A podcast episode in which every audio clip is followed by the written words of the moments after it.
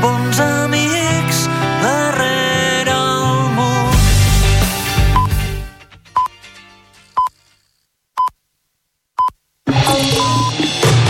Notícies en xarxa, edició matí. Amb Helena Puigdueta. Govern de Pedro Sánchez té avui el repte de tirar endavant els tres primers decrets de la legislatura i de moment no té els suports necessaris garantits per aprovar-los. Junts no garanteix el seu suport i, per tant, l'executiu del PSOE i Sumar no comptaria amb tots els vots del bloc de la investidura. Recordem que entre els decrets que s'haurien de votar hi ha la reforma dels subsidis d'atur o mesures anticrisi com les ajudes al transport públic o la rebaixa de l'IVA d'alguns aliments. Un debat incert d'una sessió que també ha de tractar i votar les esmenes a la totalitat de la llei d'amnistia. Així encapçalem el Notícies en xarxa d'aquest dimecres 10 de gener. Tot i que al punt de les 7 del matí repassem més titulars de la jornada. Els contagis per virus respiratoris continuen a l'alça i, sobretot, augmenta la incidència de la grip que s'han duplicat en una setmana. Salut recomana que les persones de qualsevol edat es vacunin.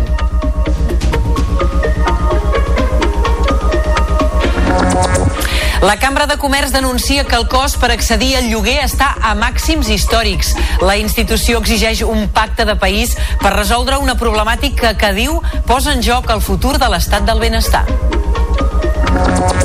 La companyia farmacèutica Grífols afronta una nova jornada a la borsa després de tancar la d'ahir amb pèrdues del 27%. La caiguda es va produir després de les acusacions de manipular les dades econòmiques per part d'un fons d'inversions. Dels esports destaquem que el Barça ja és arriat amb la intenció de reeditar la Supercopa d'Espanya. Xavi s'ha endut 25 jugadors, inclosos els lesionats Pedri, Cancelo i Íñigo Martínez. L'equip debutarà demà en semifinals davant l'Ossassuna. Avui quedarà definit el primer finalista entre el Real Madrid i l'Atlètic de Madrid.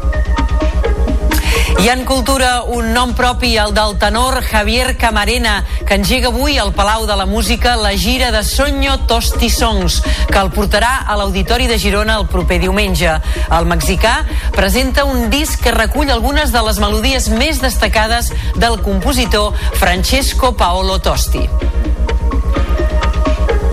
Dos minuts i mig els que passen ara mateix de les 7 del matí. Temps per saber com se circula aquesta hora eh, per la xarxa viària catalana.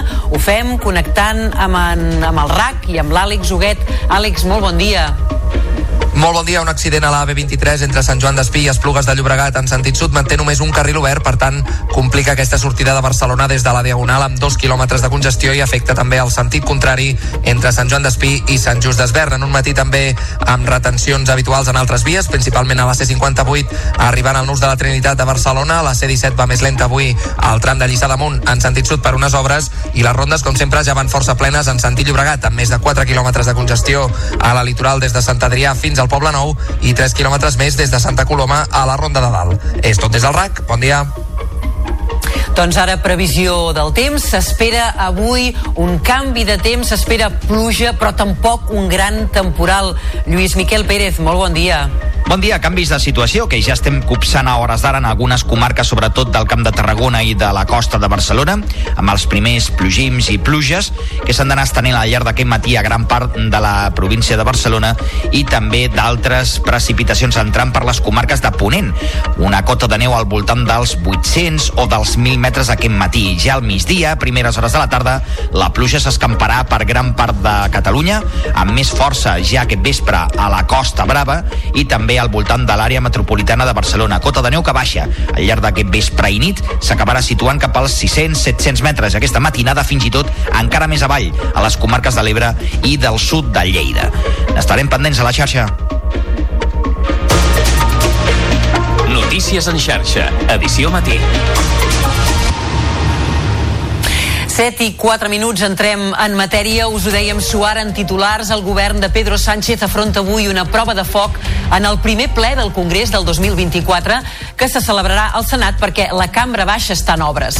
L'executiu vol convalidar els tres primers decrets de la legislatura i de moment no té els suports necessaris garantits per tirar-los endavant. Junts per Catalunya, els socis d'investidura, tot i negociar a contrarrellotge amb el PSOE, mantenia ahir a la nit la seva negativa donar suport a la proposta. La formació de Puigdemont insta la Moncloa a retirar els textos i presentar-ne de nous. El decret de mesures anticrisi preveu bonificacions dels transports públics, reducció de l'IVA per aliments bàsics o la pròrroga de l'impost a la banca i a les energètiques. Un altre dels decrets aborda la reforma del subsidi d'atur i suposa un increment de fins als 570 euros mensuals durant els primers mesos als aturats de llarga durada que s'han quedat sense prestació. El tercer decret, que s'ha d'aprovar, fa referència a la justícia i contempla l'adaptació del sector a les eines digitals o la tramitació electrònica dels processos judicials. La ministra i portaveu del govern, Pilar Alegría, ha destacat la importància de les mesures. Es que estamos hablando de medidas que son absolutamente fundamentales para muchos millones de españoles. Es que estamos hablando de las pensiones de, la- de los mayores de este país. Es que estamos hablando del transporte público, que afecta a multitud de jóvenes y a muchos trabajadores y trabajadoras. Es que estamos hablando del IVA de los alimentos. Es que estamos hablando de atraer esos 10.000 millones de euros de los que hablaba también el propio ministro de Economía. El govern, el govern català, de la seva banda, defensa que els tres decrets socials del govern espanyol són necessaris i insinua que Junts per Catalunya gesticula. La portaveu del govern, Patrícia Plaja, ha explicat que els serveis jurídics de la Generalitat han revisat els decrets i han conclòs que no hi ha invasió competencial de la Moncloa. A més, ha destacat que els textos que es votaran inclouen el traspàs de l'ingrés mínim vital pactat entre els presidents Pere Aragonès i Pedro Sánchez abans de Nadal.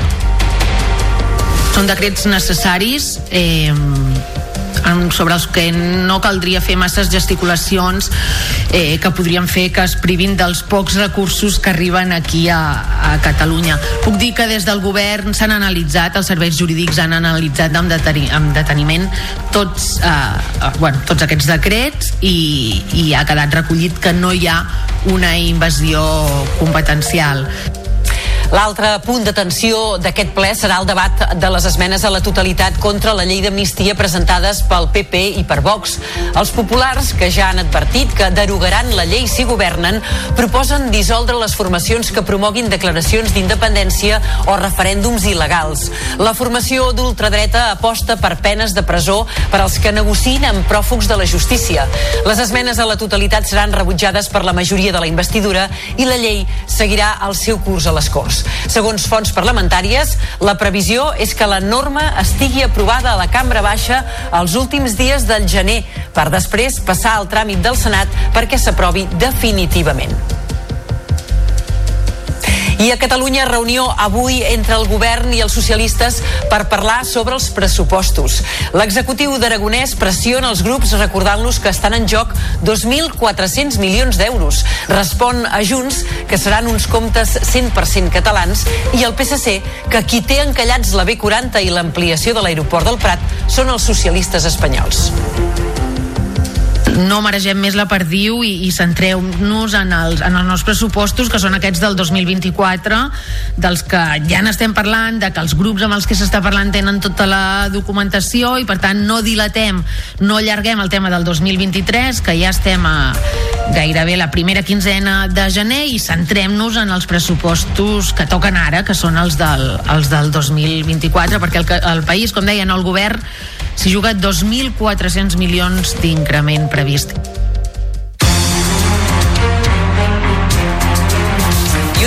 Doncs hem de parlar de la salut del país perquè s'han disparat els casos de grip a Catalunya i es preveu arribar al pic de l'epidèmia aquesta mateixa setmana o la que ve, a molt eh, d'estirar.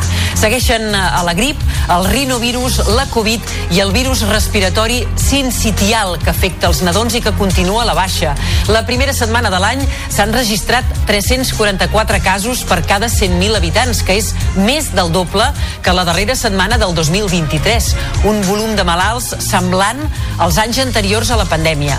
Aquest migdia a Madrid la ministra de Sanitat explicarà les noves mesures unificades per a tot l'Estat per fer front al virus. La principal és la mascareta obligatòria als centres sanitaris i sociosanitaris i en principi recomanable a residències i farmàcies.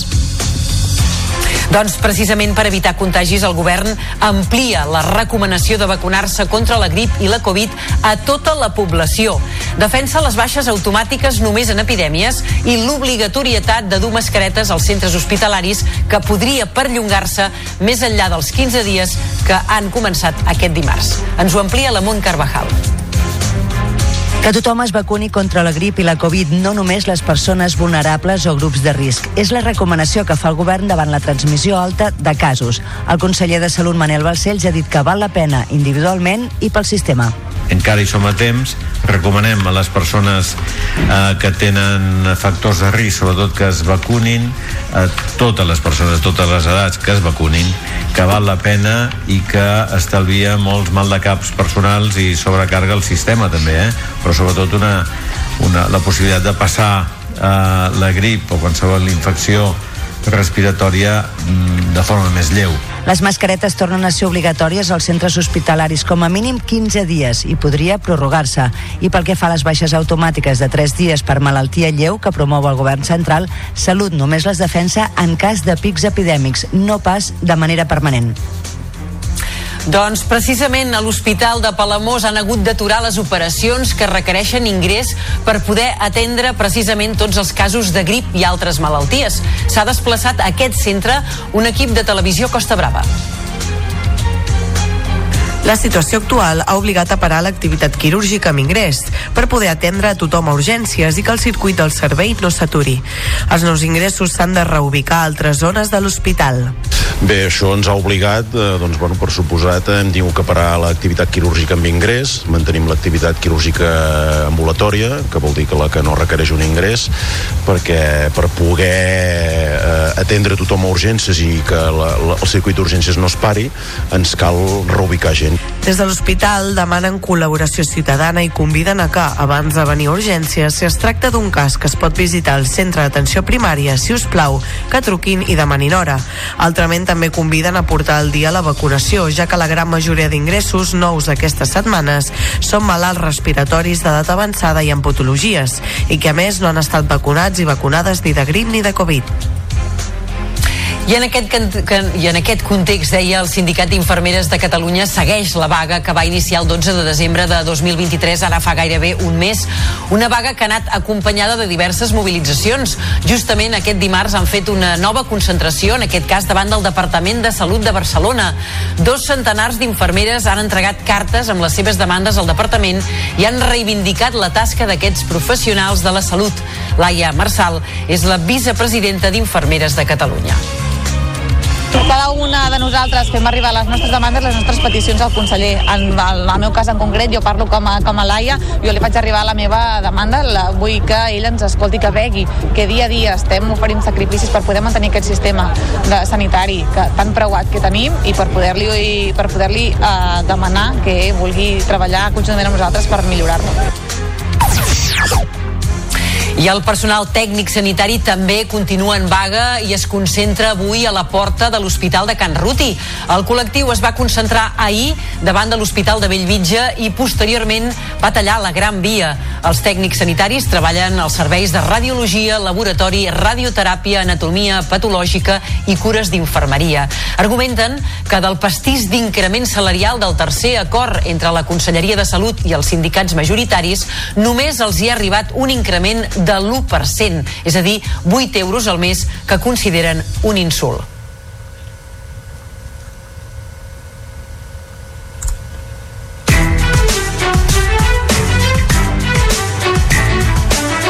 La Cambra de Barcelona reclama un pacte de país urgent per promoure polítiques estructurals que frenin les dificultats d'accés a l'habitatge. Un problema que posa en risc l'estat del benestar a Catalunya, segons adverteix un estudi d'aquesta entitat. Ens ho explica la Carina Bellver.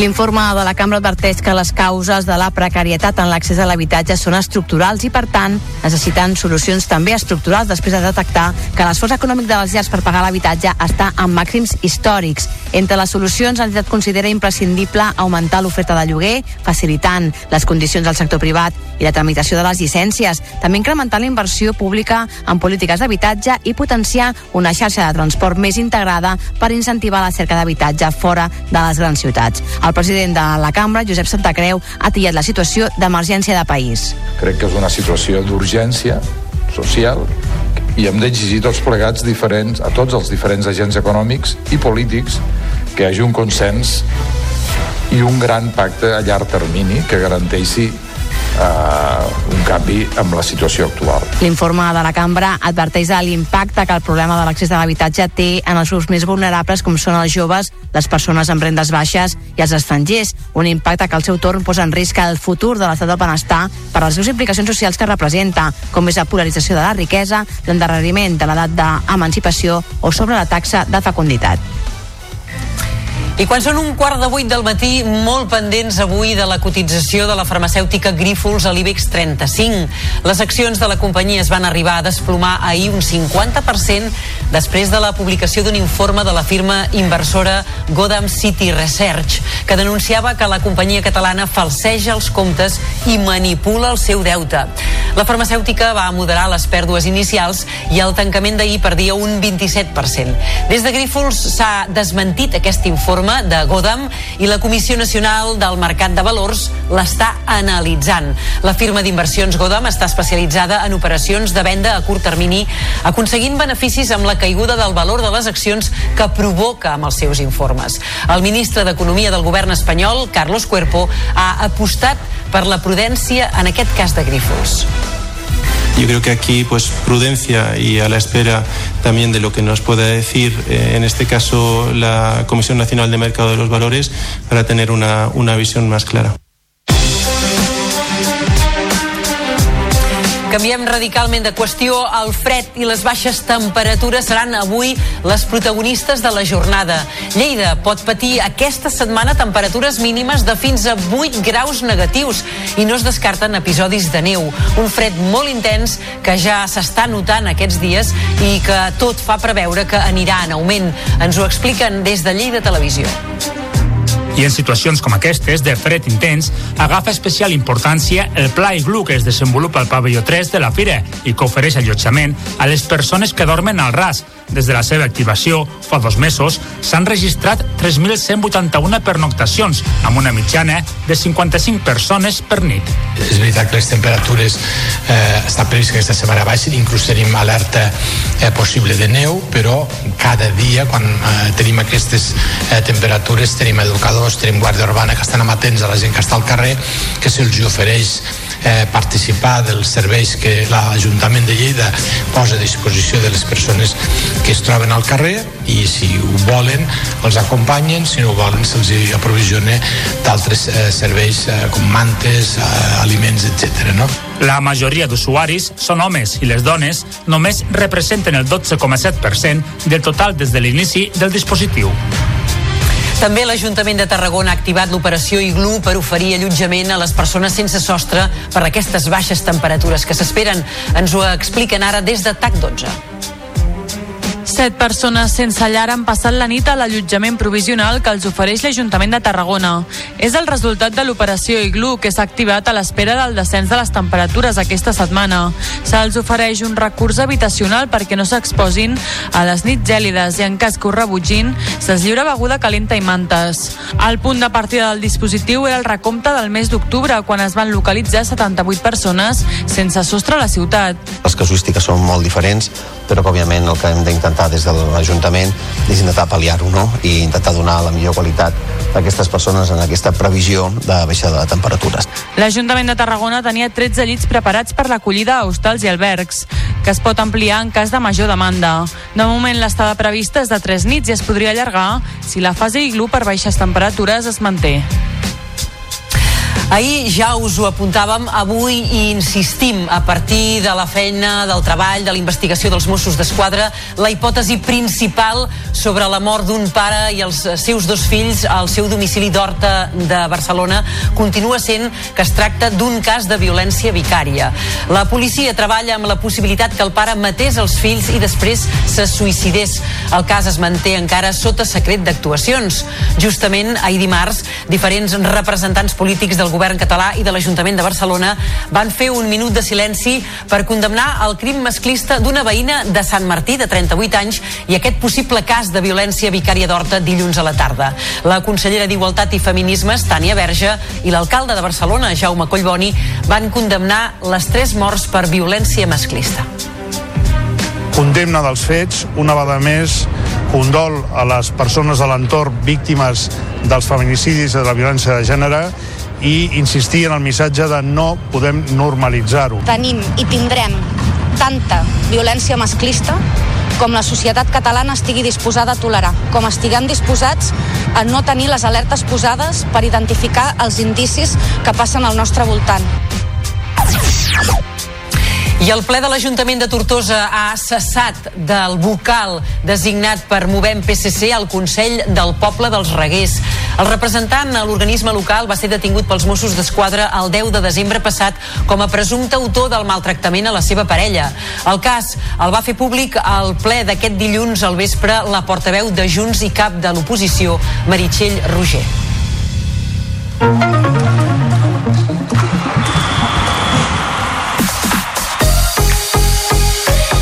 10 minuts i arribarem a dos quarts de vuit del matí, temps per a la crònica esportiva i per parlar d'entrada del Barça, que ja és arriat per disputar el primer títol del curs, la Supercopa d'Espanya. Xavi ha fet una convocatòria àmplia de fins a 25 jugadors que inclou Pedri, Cancelo i Íñigo Martínez sense l'alta mèdica. L'equip farà avui un darrer entrenament abans de debutar demà en semifinals davant l'Ossassuna. La competició arrencarà aquest vespre amb el duel entre el Real Madrid i l'Atlètic de Madrid que definirà el primer finalista.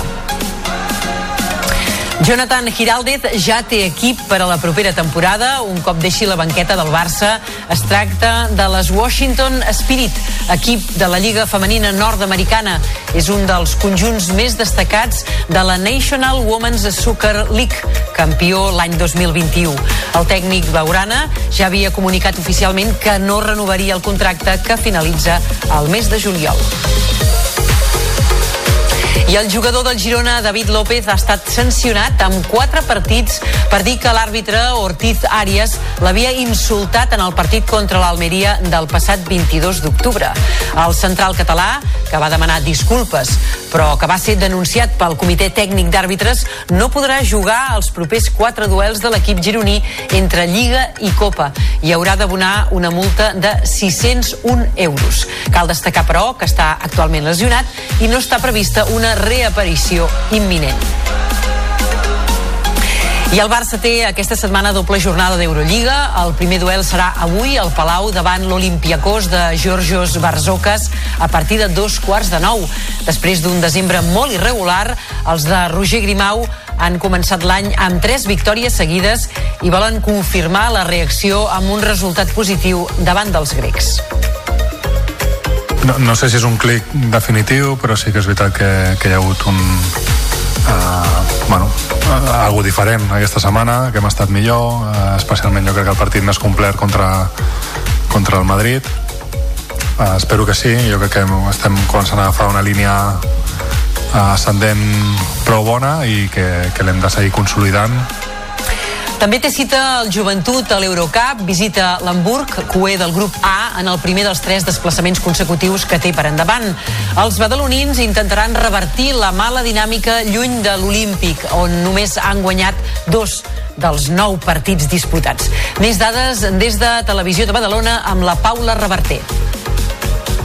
Qui no jugarà encara és Shannon Evans, el nou fitxatge del joventut, que ha arribat a un acord fins a final de curs per reforçar el perímetre verd i negre. L'equip, però, se centra ara amb l'Hamburg, contra qui ha de guanyar per començar a escalar posicions i estar ben situats de cara al play-off de l'Eurocup. El director esportiu de la penya, Jordi Martí, diu que un cop s'ha perdut l'objectiu d'estar a Copa, ara l'equip ha de lluitar per estar play-off de l'ACB i també per competir a Europa. Ara, en aquest moment, doncs, doncs estem en un equip en construcció i que, i que aviam si l'acabem de tancar i, i, i fem l'equip més potent possible per seguir amb aquest tram que ens queda de temporada competir al màxim. El partit entre Hamburg i Penya serà el primer dels tres desplaçaments seguits a l'Eurocup del Joventut abans d'anar a Londres i a París, dos rivals directíssims a la zona alta de la classificació. A l'Eurocup femenina hi ha duel català entre el Cadí la Seu i l'Espar Girona. S'enfronten en l'anada dels vuitens de final a partir de les 7 a la pista urgellenca. La tornada serà d'aquí a una setmana a Fontejau.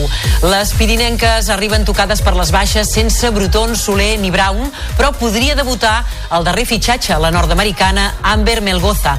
Pel que fa a l'Uni, destaca la reaparició de Rebecca Gardner, que estrenarà la tercera etapa al club.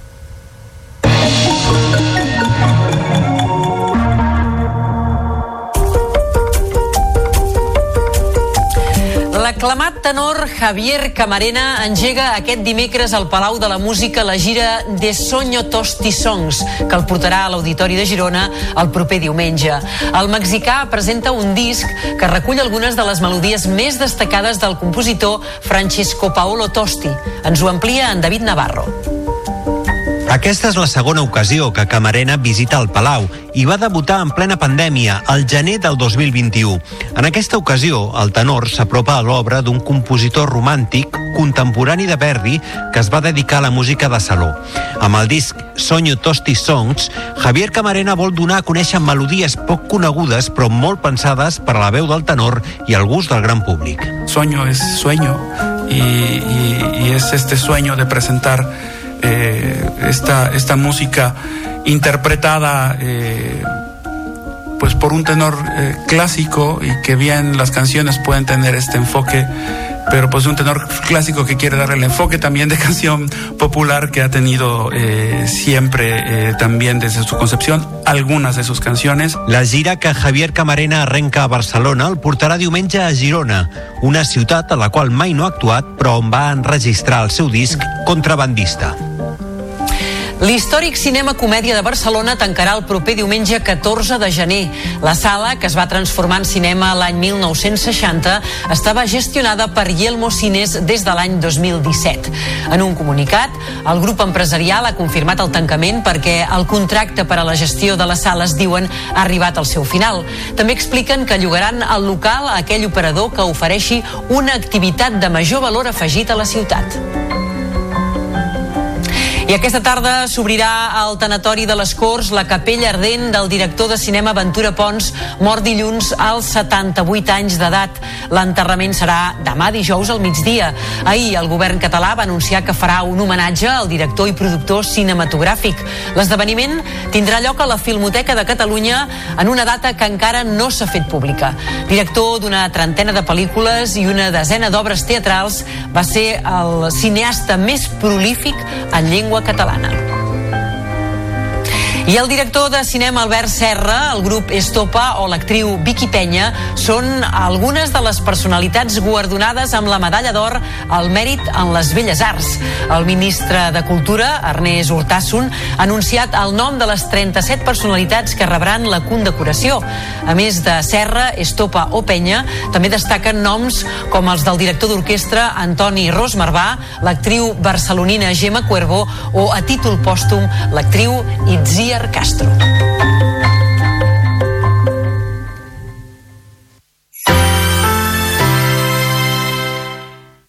La xarxa de comunicació local. El Diccionari Termcat. Paraules noves que ja pots dir. Fes-t'ho tu. Pràctica de fabricar, reparar o decorar un mateix objectes generalment d'ús propi sense l'ajuda de serveis professionals. Si t'agrada el bricolatge o les manualitats, estaràs fins al capdamunt d'escoltar l'expressió Do It Yourself, o l'acrònim DIY. Si vols estalviar-te el manlleu i, el més important, assegurar-te que la vida entén, és millor fer servir l'expressió fes-t'ho tu.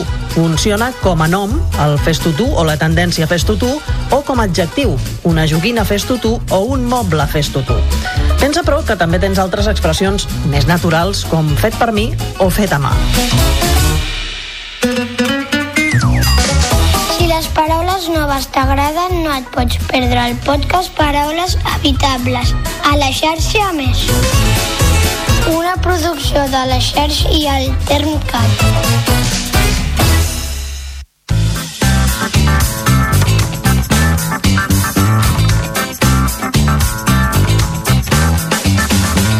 ¿Sabías que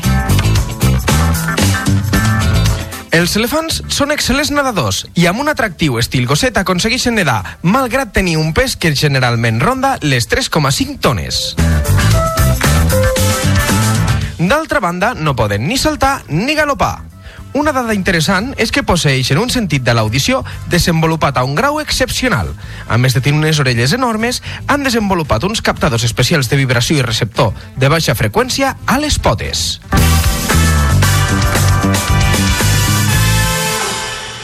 La xarxa de comunicació local.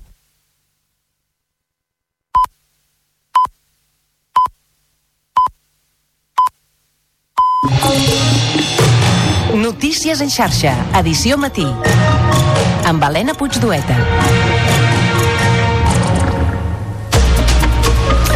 Bon dia. El govern de Pedro Sánchez té avui el repte de tirar endavant els tres primers decrets de la legislatura i de moment no té els suports necessaris garantits per aprovar-los.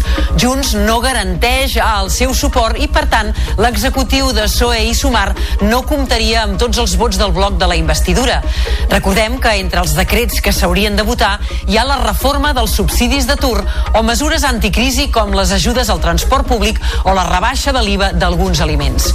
Un debat incert d'una sessió que també ha de tractar i votar les esmenes a la totalitat de la llei d'amnistia del PP i de Vox. En uns minuts parlarem amb el diputat dels populars Nacho Martín Blanco sobre aquesta tensa sessió que, per cert, se celebrarà al Senat perquè el Congrés està en obres. Així encapçalem el Notícies en xarxa d'aquest dimecres 10 de gener i al punt de dos quarts de vuit repassem més titulars de la jornada. Els contagis per virus respiratoris continuen a l'alça i, sobretot, augmenta la incidència de la grip, que s'ha duplicat en una setmana. Salut recomana que les persones de qualsevol edat es vacunin. La Cambra de Comerç denuncia que el cost per accedir al lloguer està a màxims històrics. La institució exigeix un pacte de país per resoldre una problemàtica que diu posa en joc el futur de l'estat del benestar. La companyia farmacèutica Grífols afronta una nova jornada a la borsa després de tancar la d'ahir amb pèrdues del 27%. La caiguda es va produir després de les acusacions de manipular les dades econòmiques per part d'un fons d'inversions. Dels esports destaquem avui que el Barça ja és arriat en busca del primer títol del curs, la Supercopa d'Espanya. Xavi s'ha endut 25 jugadors, inclosos els lesionats Pedri, Cancelo i Íñigo Martínez. L'equip debutarà demà en semifinals davant l'Ossassuna. Avui quedarà definit el primer finalista entre el Real Madrid i l'Atlètic de Madrid. I en cultura, un nom propi, el del tenor Javier Camarena, que engega avui al Palau de la Música la gira de Soño Tosti Songs, que el portarà a l'Auditori de Girona el proper diumenge. El mexicà presenta un disc que recull algunes de les melodies més destacades del compositor Francesco Paolo Tosti. Dos minuts i mig els que passen ara mateix de dos quarts de vuit del matí. Obrim plana de serveis amb el trànsit. Un accident a primera hora del matí a la B23 a Sant Joan d'Espí fa que només hi hagi un carril obert segons el RAC en sentit sud i provoca cues des d'Esplugues i la sortida de Barcelona per la Diagonal.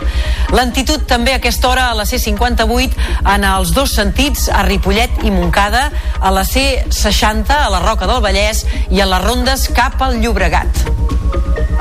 I molt bona notícia pel que fa al temps, perquè avui tornarà a ploure i ho farà a gran part de Catalunya després d'haver plogut la nit de Reis.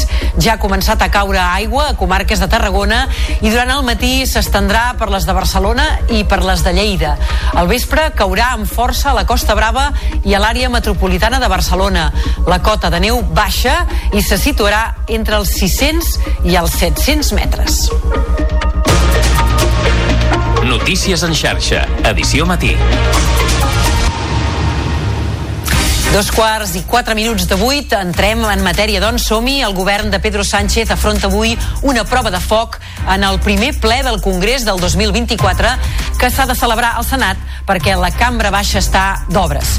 L'executiu vol convalidar els tres primers decrets de la legislatura i de moment no té els suports necessaris garantits per tirar-los endavant. Junts per Catalunya, els socis d'investidura, tot i negociar contra rellotge amb el PSOE, mantenia ahir a la nit la seva negativa a donar suport a la proposta. La formació de Puigdemont insta la Moncloa a retirar els textos i a presentar-ne de nous. El decret de mesures anticrisi preveu bonificacions dels transports públics, reducció de l'IVA per aliments bàsics o la pròrroga de l'impost a la banca i energètiques. Un altre dels decrets aborda la reforma del subsidi d'atur i suposa un increment de fins als 570 euros mensuals durant els primers mesos als aturats de llarga durada que s'han quedat sense prestació. El tercer decret que s'ha d'aprovar fa referència a la justícia i contempla l'adaptació del sector a les eines digitals o la tramitació electrònica dels processos judicials. La ministra i portaveu del govern, Pilar Alegría, ha destacat la importància de les mesures. Es que estamos hablando de medidas que son absolutamente fundamentales para muchos millones de españoles. Es que estamos hablando de las pensiones de, la- de los mayores de este país. Es que estamos hablando del transporte público, que afecta a multitud de jóvenes y a muchos trabajadores y trabajadoras. Es que estamos hablando del IVA de los alimentos. Es que estamos hablando de atraer esos 10.000 millones de euros de los que hablaba también el propio ministro de Economía. Justament el govern català defensa que els tres decrets socials del govern espanyol són necessaris, insinua que Junts per Catalunya gesticula. La portaveu del govern, Patrícia Plaja, ha explicat que els serveis jurídics de la Generalitat han revisat els decrets i han conclòs que no hi ha invasió competencial de la Moncloa. A més, ha destacat que els textos que es votaran inclouen el traspàs de l'ingrés mínim vital pactat entre els presidents Pere Aragonès i Pedro Sánchez abans de Nadal. Són decrets necessaris eh, sobre els que no caldria fer masses gesticulacions eh, que podrien fer que es privin dels pocs recursos que arriben aquí a, a Catalunya. Puc dir que des del govern s'han analitzat, els serveis jurídics han analitzat amb, deteni, amb deteniment tots, eh, eh, bueno, tots aquests decrets i, i ha quedat recollit que no hi ha una invasió competencial. Però l'altre punt d'atenció d'aquest ple serà, sens dubte, també el debat de les esmenes a la totalitat contra la llei d'amnistia presentades pel PP i per Vox. Els populars, que ja han advertit que derogaran la llei si governen, proposen dissoldre les formacions que promoguin declaracions d'independència o referèndums il·legals. De tot plegat, doncs, d'aquest ple en volem parlar ara mateix amb Nacho Martín Blanco. Ell és diputat del Partit Popular per Barcelona al Congrés. Senyor Martín Blanco, bon dia i gràcies per atendre'ns. Què tal? Molt bon dia, com esteu? Ho explicàvem, Suara Junts es manté per ara en el no als tres decrets llei del pla anticrisis del govern de Sánchez. De fet, és una primera votació clau de la legislatura i que a aquesta hora podem dir que penja d'un fil. Els números no surten, per tant aquesta podia ser una primera gran derrota parlamentària. Si els socialistes els insisteixen, eh, existiria la possibilitat que el PP eh, hi donés suport a aquests tres decrets? Bé, nosaltres ja vam deixar clar, i ho va fer el president del nostre grup parlamentari, el senyor Alberto Núñez Feijó, que eh, el que no pot ser és que el senyor Sánchez arribi a un seguit d'acords parlamentaris per la legislatura amb uns socis que és evident que no són confiables per la seva falta de previsibilitat, per la seva falta de lleialtat al conjunt de, dels espanyols i que després, a l'hora de la veritat, quan arriba el moment d'aprovar lleis o d'aprovar eh, decrets de, del govern, eh, hagi de recórrer sempre al partit que ha demostrat sentit d'estat, el partit que ha demostrat que té un sentit de la responsabilitat que és el Partit Popular. Per tant, partint d'aquesta premissa, eh, nosaltres ja hem dit que un dels decrets, el decret que té a veure sobretot amb eh, l'alça de preus eh, i que té a veure amb les qüestions que afecten més a la vida quotidiana dels, eh, dels ciutadans, doncs eh, si s'accepten les nostres eh, propostes, el que nosaltres ja fa dies que proposem al govern, però que el govern sembla que es precipita davant del no dels seus socis parlamentaris, doncs eh, es podria, eh, podríem parlar-ne. El problema és que el govern ha mostrat una actitud eh, doncs molt poc dialogant amb el principal partit d'Espanya, de, que és el Partit Popular. Per això no som optimistes eh, quan eh, a, a l'actitud d'aquest govern envers eh, el principal partit de l'oposició. És a dir que si a última hora, doncs, eh, s'acceptés aquestes premisses, aquestes condicions que posava el Partit Popular, no descarteu abstenir-vos o fins i tot votar-hi a favor, eh? Insisteixo. Com comentava eh, ahir el, el portaveu de Cultura, el portaveu adjunt, el senyor Borja Semper, i va comentar el senyor Peijó, doncs efectivament, eh, si eh, el govern eh, atén les nostres eh, propostes, doncs la possibilitat d'abstenir-nos mm, està sobre la taula, en efecte.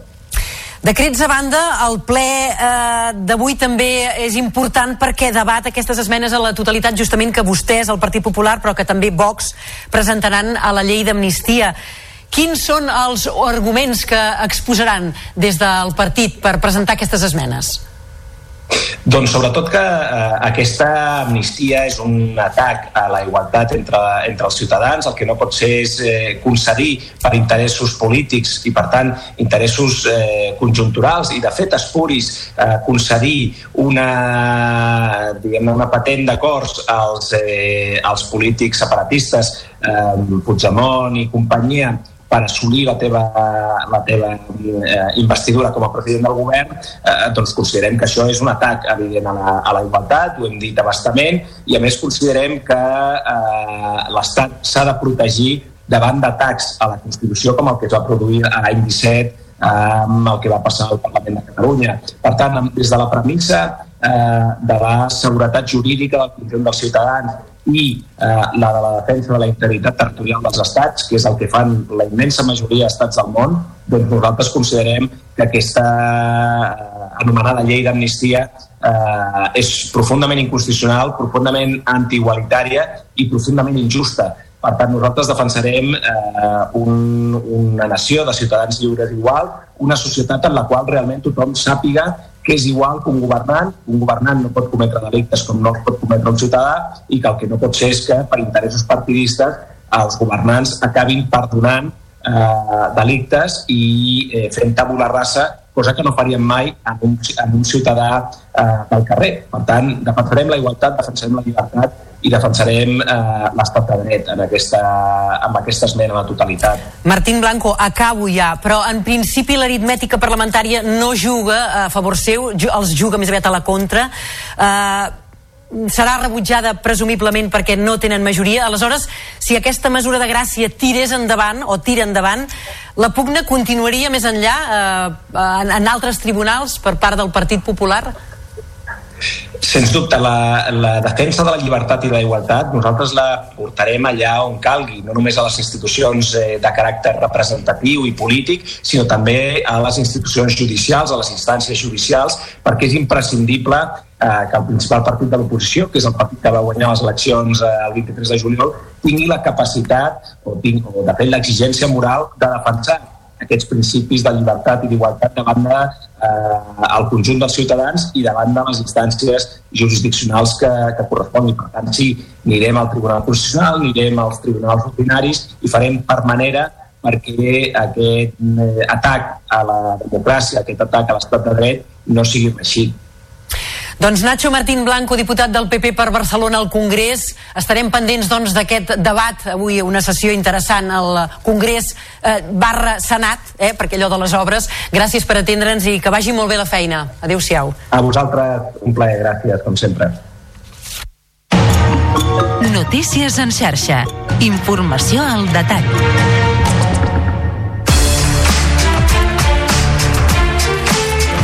Ara parlar de la salut de, del nostre país perquè s'han disparat els casos de grip a Catalunya i es preveu arribar al pic de l'epidèmia aquesta mateixa setmana o la que ve a molt estirar.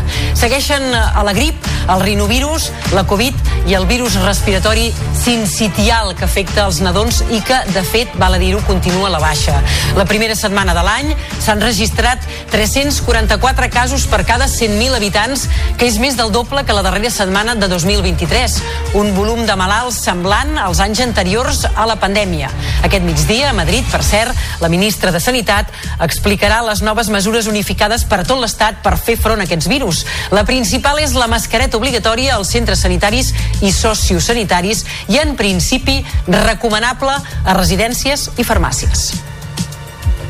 Doncs precisament per evitar contagis, el govern amplia la recomanació de vacunar-se contra la grip i la Covid a tota la població.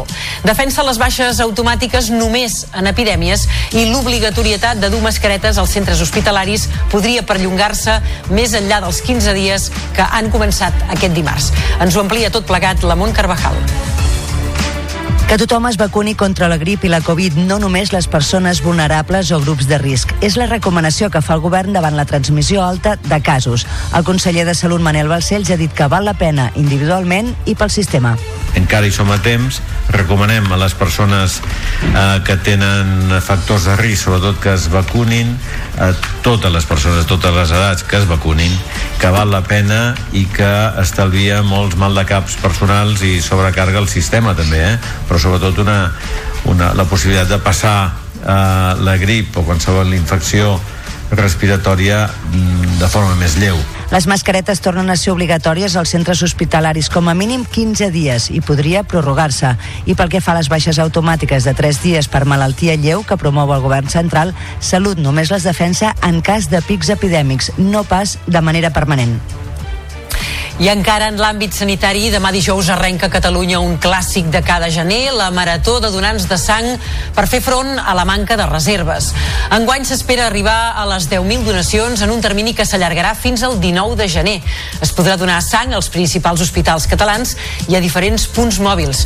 Ens n'informa ara BTV. A la Naila, la sang dels donants li va salvar la vida quan era un nadó de només 10 dies. Des d'aquell moment el seu pare es va convertir en un superdonant. El meu motiu va ser aquest, que ningú més li pareix això i cada vegada que puc porto sang... Quan toca, sang, plasma i plaquetes.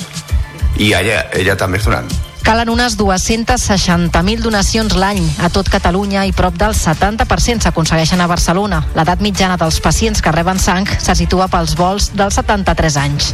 Actualment tenim un estoc per 5 dies, eh, que estem una mica per sota de la, la situació eh, òptima, que són 8 dies d'estoc, d'acord? Llavors, desembre, juntament amb el mes d'agost, són els mesos en què més baixen les donacions perquè canviem d'hàbits. És per això que la Marató se celebra estrictament de l'11 al 19 de gener, però a Barcelona s'han habilitat una vintena de punts per donar sang, al marge dels tres hospitals habituals, Clínic, Vall d'Hebron i Sant Pau.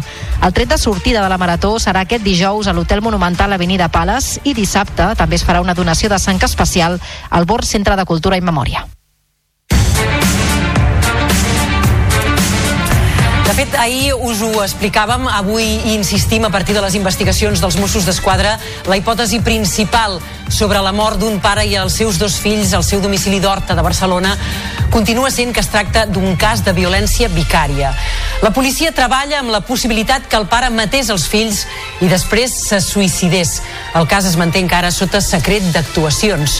Justament ahir dimarts, diferents representants polítics del govern català i de l'Ajuntament de Barcelona van fer un minut de silenci per condemnar el crim masclista d'una veïna de Sant Martí de 38 anys i d'aquest possible cas de violència vicària d'Horta dilluns a la tarda.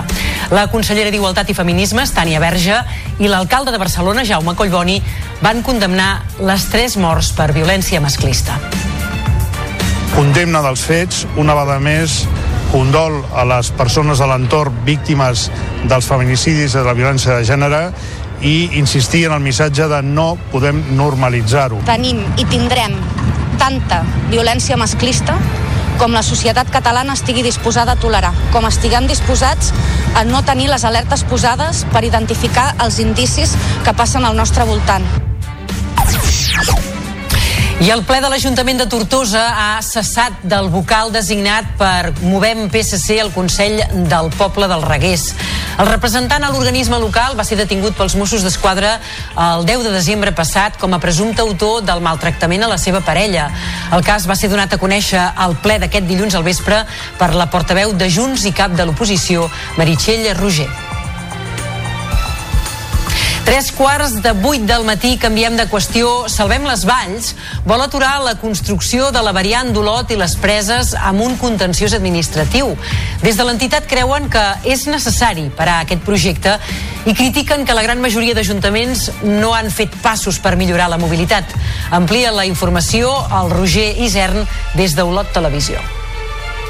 El portaveu de Salvem les Valls, Moisès Mont, ha deixat clar a Ràdio Lot i Televisió que si el projecte constructiu no es frena davant diverses al·legacions i reclamacions, l'única solució serà el contenciós administratiu. Estem a l'expectativa doncs, de, de quan surti el projecte constructiu a veure, a veure com han acabat redactant el traçat i, eh, com no, doncs, plantejar-nos el contenciós administratiu, sens dubte. El portaveu de Salvem les Valls també ha criticat la posició dels ajuntaments en matèria de mobilitat. Diu que molts d'ells no han fet el suficient per contribuir a una circulació amb menys vehicles particulars i alhora fomentar el transport públic. Amb l'entitat lluny de la posició de diversos consistoris de la comarca, Moisès Mont diu que tot passa per la creació d'una taula de mobilitat comarcal. Segons l'entitat, pas important que s'hauria de fer abans que apostar per projectes com la variant. Segons els terminis previstos, el projecte constructiu de la variant d'Olot, les preses i la Vall d'en Bas hauria d'estar acabat entre l'estiu i inicis de tardor d'aquest 2024.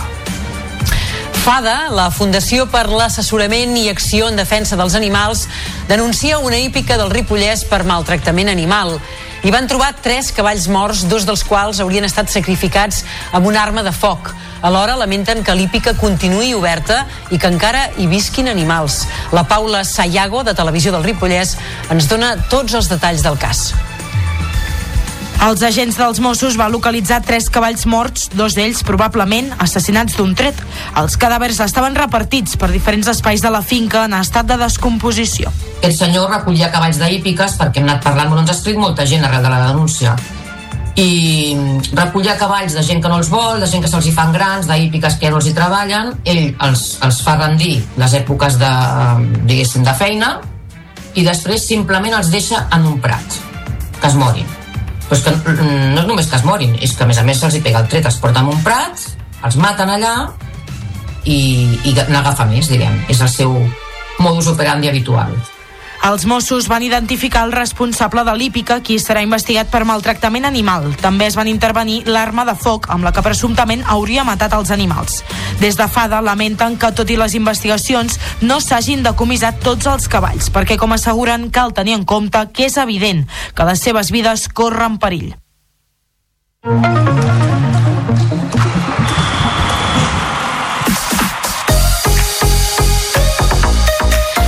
Barça ja és arriat per disputar el primer títol del curs, la Supercopa d'Espanya. Xavi ha fet una convocatòria àmplia de fins a 25 jugadors que inclou Pedri, Cancelo i Íñigo Martínez sense l'alta mèdica. L'equip farà avui un darrer entrenament abans de debutar demà en semifinals davant l'Ossassuna. La competició arrencarà aquest vespre amb el duel entre el Real Madrid i l'Atlètic de Madrid que definirà el primer finalista. I el jugador del Girona, David López, ha estat sancionat amb quatre partits per dir que l'àrbitre Ortiz Arias l'havia insultat en el partit contra l'Almeria del passat 22 d'octubre. El central català que va demanar disculpes, però va ser denunciat pel Comitè Tècnic d'Àrbitres, no podrà jugar els propers quatre duels de l'equip gironí entre Lliga i Copa. Hi haurà d'abonar una multa de 601 euros. Cal destacar, però, que està actualment lesionat i no està prevista una reaparició imminent. I avui hi ha tres partits a l'hoquei Lliga Femenina. Es juguen al Mataró Manlleu, el Telecable Palau i el Cerdanyola Vilassana.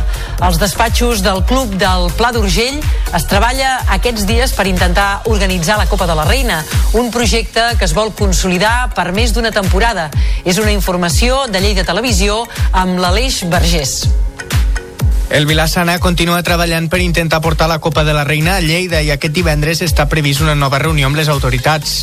Una prova que el president assegura que és viable, tot i que sap que és una competició deficitària, però té l'objectiu de que com a província se'ls conegui més i millor i, sobretot, intenta portar-la perquè es deuen a la seva afició. Bueno, la novetat és que dius divendres farem una reunió, les tres o quatre administracions aquí de, de, de la província, tots n'hi tenen moltes ganes, però escolta, dius, s'ha de continuar parlant, s'ha de veure si tots hi estem d'acord, que crec que estan tots predisposats a, a tirar endavant i intentar pues, fer-la per, per dos o tres anys aquí a Lleida. Són petits, són poca gent en comparació amb, amb d'altres zones de Catalunya. I el que hem de fer és els equips d'aquí intentar lluitar, tirar endavant i que se'ns conegui tot arreu. I és que, escolteu, que, que som aquí dalt per fer cidoll i per fer molta feina. En una setmana important també per les del Pla d'Urgell perquè debuten a la Champions contra el Benfica en el grup de la mort. I el Dakar ja en marxa la cinquena etapa entre Al Hofuf i Subayaità de 118 quilòmetres d'especial. És la jornada prèvia a la temuda etapa marató de demà i de divendres. Després de la victòria, en la quarta etapa, Nani Roma és 15è i dues posicions per sota se situa Laia Sanz.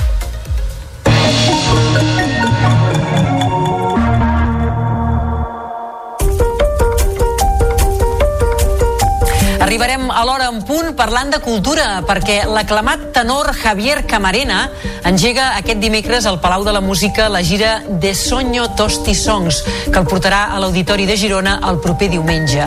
El mexicà presenta un disc que recull algunes de les melodies més destacades del compositor Francesco Paolo Tosti. Ens ho explica en David Navarro. Aquesta és la segona ocasió que Camarena visita el Palau i va debutar en plena pandèmia, al gener del 2021. En aquesta ocasió, el tenor s'apropa a l'obra d'un compositor romàntic contemporani de Verdi que es va dedicar a la música de saló. Amb el disc Sonyo Tosti Songs, Javier Camarena vol donar a conèixer melodies poc conegudes però molt pensades per a la veu del tenor i al gust del gran públic. Sueño es sueño y, y es este sueño de presentar eh, esta, esta música interpretada eh, pues por un tenor eh, clásico y que bien las canciones pueden tener este enfoque pero pues un tenor clásico que quiere darle el enfoque también de canción popular que ha tenido eh, siempre eh, también desde su concepción algunas de sus canciones. La gira que Javier Camarena arrenca a Barcelona el portarà diumenge a Girona, una ciutat a la qual mai no ha actuat però on va enregistrar el seu disc Contrabandista. I l'Ajuntament de Banyoles treballa amb la previsió de poder inaugurar el nou Museu Arqueològic Comarcal en un termini aproximat de mig any.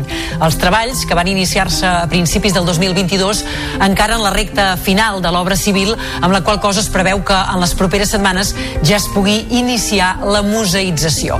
Els companys de la televisió de Banyoles ens ho expliquen.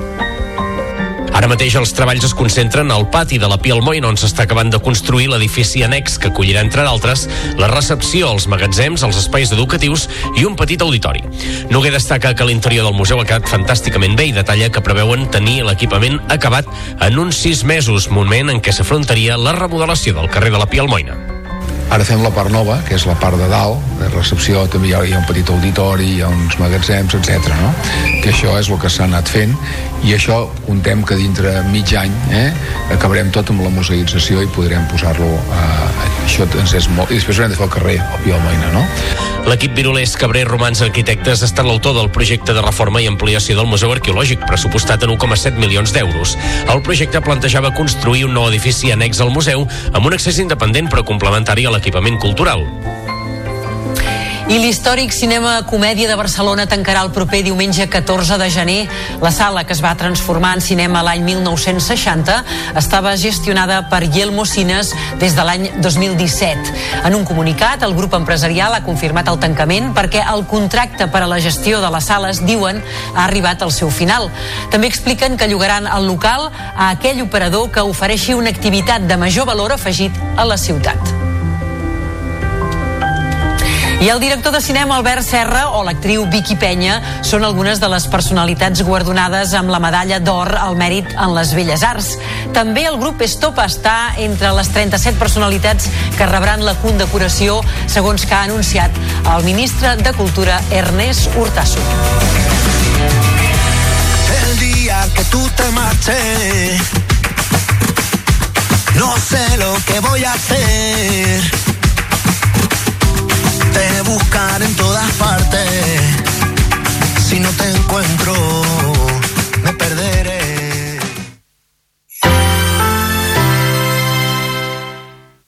La xarxa de comunicació.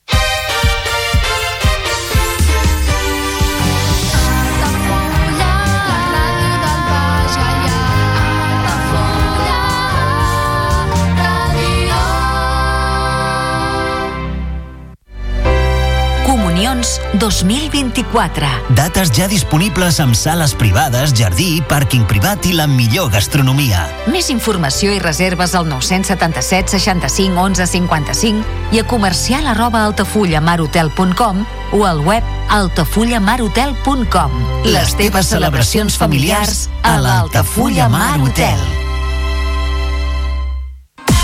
Carrer Major, el programa de les emissores del Camp de Tarragona. Cada dia de 4 a 6 de la tarda, el que passa al Camp de Tarragona t'ho expliquem amb la major redacció d'un programa de territori quilòmetre zero. Periodisme de proximitat, continguts de qualitat, amb Anna Plaza i Toni Mateos. Carrer Major.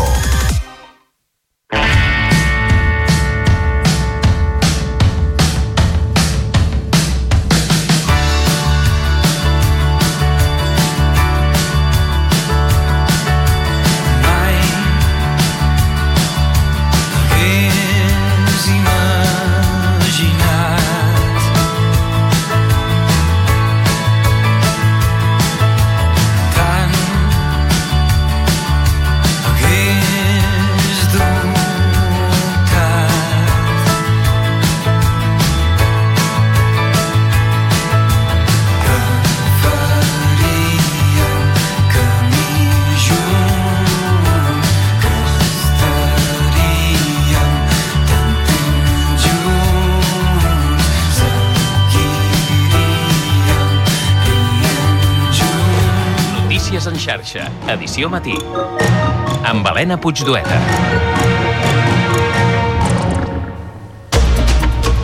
Bon dia. El govern de Pedro Sánchez té avui el repte de tirar endavant els tres primers decrets de la legislatura i, de moment, no té els suports necessaris garantits per aprovar-los.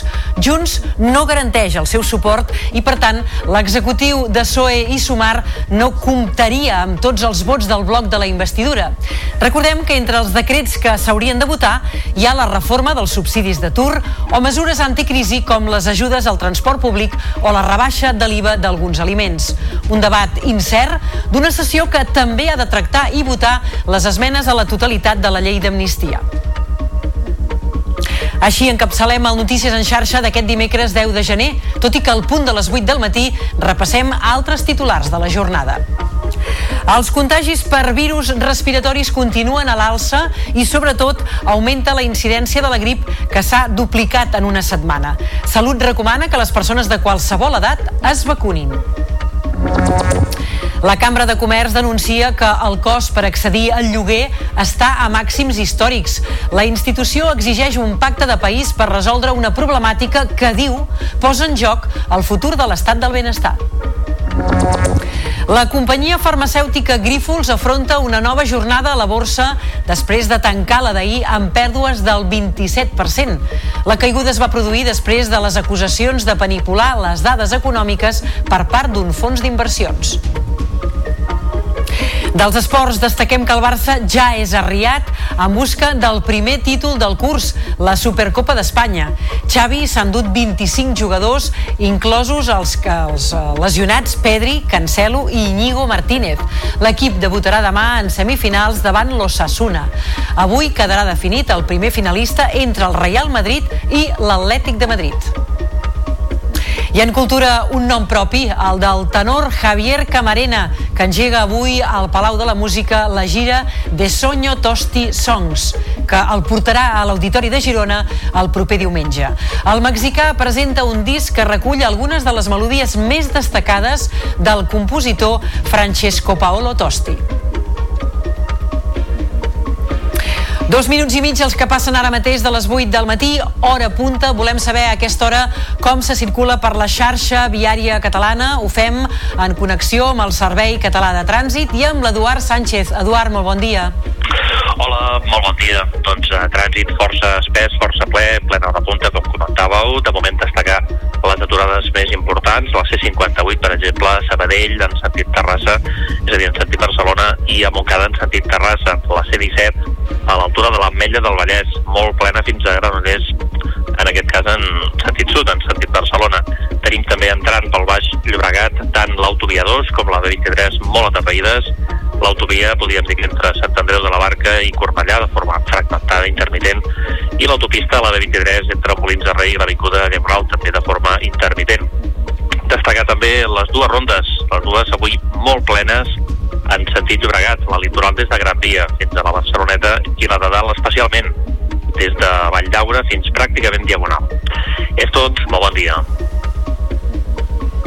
Doncs ara és temps per saber quin temps ens, ens espera de cara a les properes hores. S'anuncia un canvi de temps. De fet, aquí a Barcelona, Lluís Miquel Pérez, molt bon dia. Ja saps que ens agrada mirar-nos al malic i sembla que aquí a l'àrea metropolitana ja ha començat a ploure una mica, unes quantes gotetes. Explica'ns. Sí, així és. Bon dia, Helena. Doncs eh, ja de partida també dir que és bo que plogui també a ciutats, que molta gent doncs, diu allò, no, és que a la costa i a les ciutats no ha de ploure, sí, ha de ploure tot arreu, perquè l'atmosfera s'ha de netejar i els aires s'han de renovar.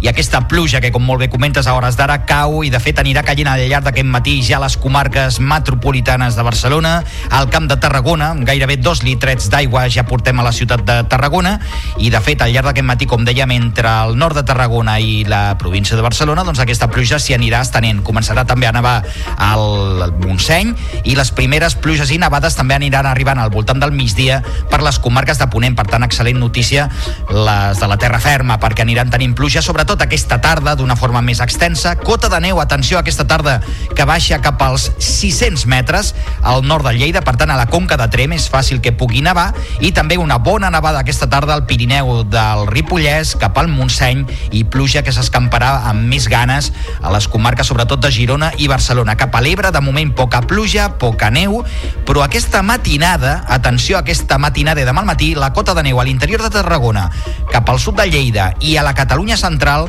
estarà als 400 metres. Per tant, Helena, probablement demà al matí a aquesta hora estiguem parlant de nevades a cotes força baixes, però no de la costa. Ho seguirem a la xarxa. Notícies en xarxa, edició matí. 8 i 5 ens hi posem. El govern de Pedro Sánchez afronta avui una prova de foc en el primer ple del Congrés del 2024 que s'ha de celebrar al Senat perquè la cambra baixa està en obres.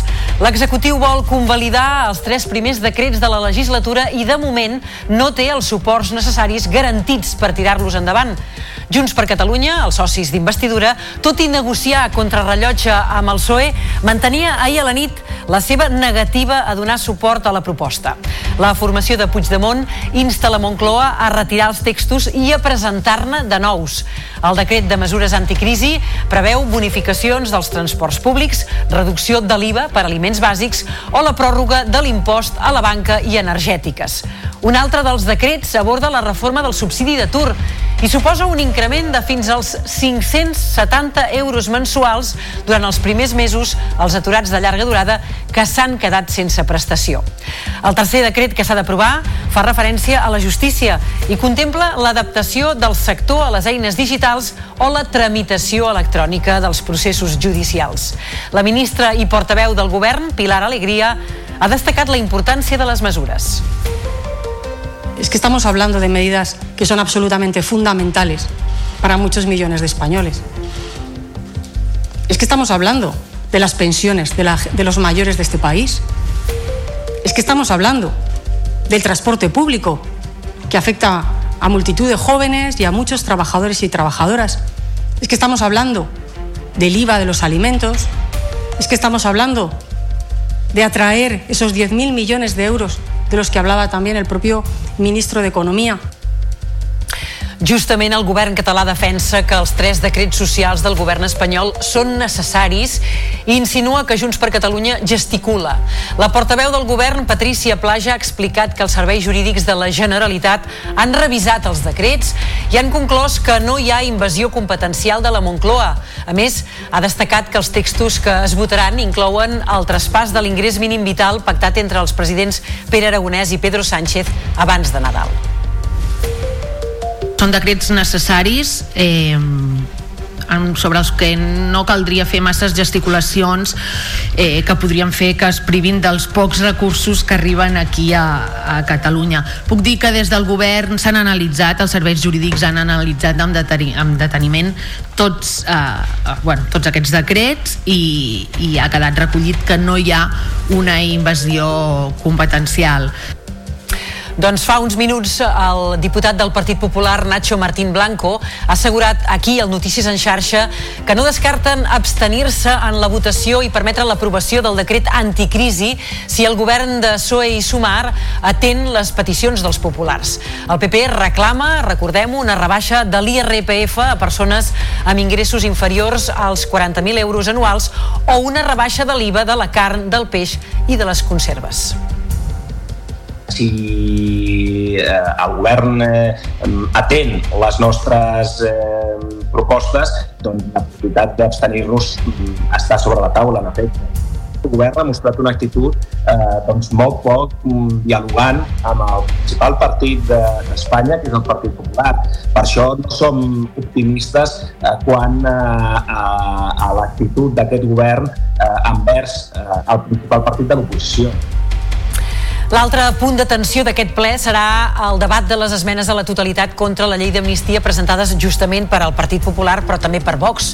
Els populars, que ja han advertit que derogaran la llei si governen, proposen dissoldre les formacions que promoguin declaracions d'independència o referèndums il·legals. La formació d'ultradreta aposta per penes de presó per als que negocin amb pròfugs de la justícia.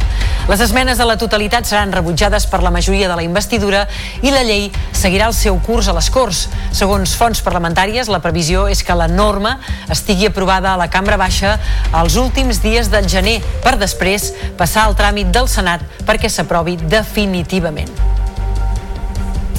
I a Catalunya, reunió avui entre el govern i els socialistes per parlar sobre els pressupostos.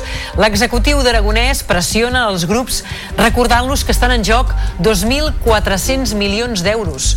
Respon a Junts que seran uns comptes 100% catalans. I el PSC que qui té encallats la B40 i l'ampliació de l'aeroport del Prat són els socialistes espanyols no maregem més la perdiu i, i centreu-nos en els, en els nostres pressupostos, que són aquests del 2024, dels que ja n'estem parlant, de que els grups amb els que s'està parlant tenen tota la documentació i per tant no dilatem, no allarguem el tema del 2023, que ja estem a gairebé la primera quinzena de gener i centrem-nos en els pressupostos que toquen ara, que són els del, els del 2024, perquè el, el país, com deien, el govern s'hi juga 2.400 milions d'increment previst. 8 i 10 toca tornar avui a parlar de la salut de casa nostra perquè s'han disparat els casos de grip a Catalunya i es preveu arribar al pic de l'epidèmia aquesta setmana mateix o com a molt estirar la setmana que ve.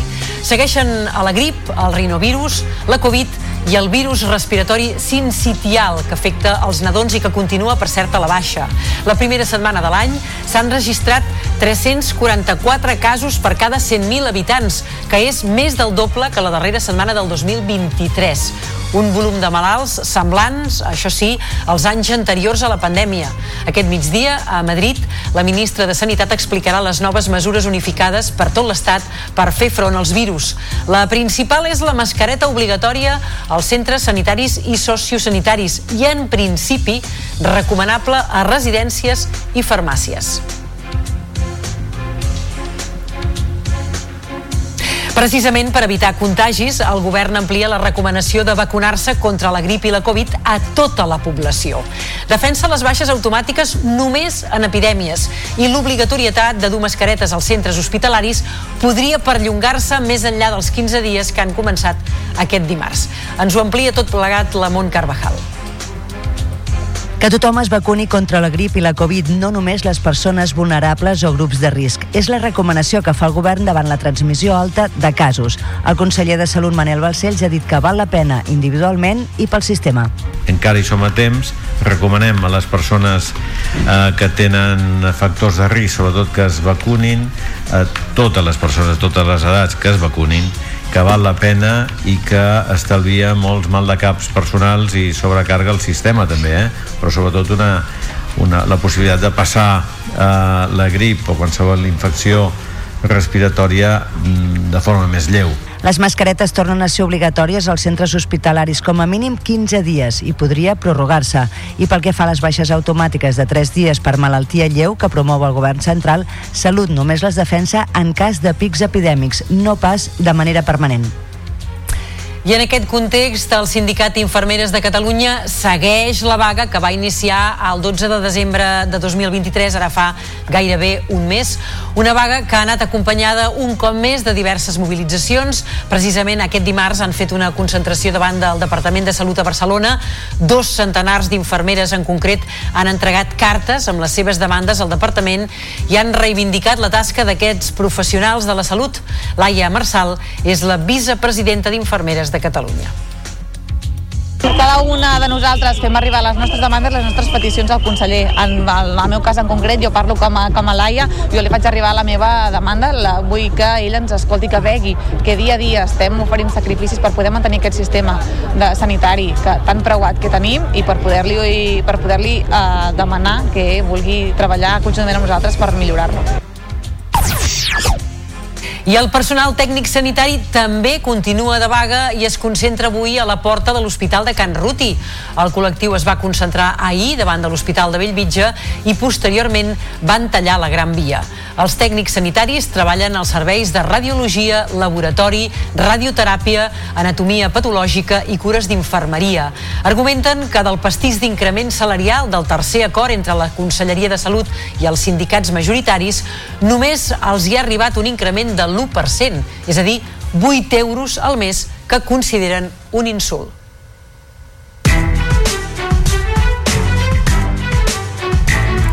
Un quart de nou del matí, la Cambra de Barcelona reclama un pacte de país urgent per promoure polítiques estructurals que frenin les dificultats d'accés a l'habitatge. Un problema que posa en risc l'estat del benestar a Catalunya, segons adverteix un estudi d'aquesta entitat. Ens ho explica la Carina Bellver. L'informe de la cambra adverteix que les causes de la precarietat en l'accés a l'habitatge són estructurals i, per tant, necessiten solucions també estructurals després de detectar que l'esforç econòmic de les llars per pagar l'habitatge està en màxims històrics.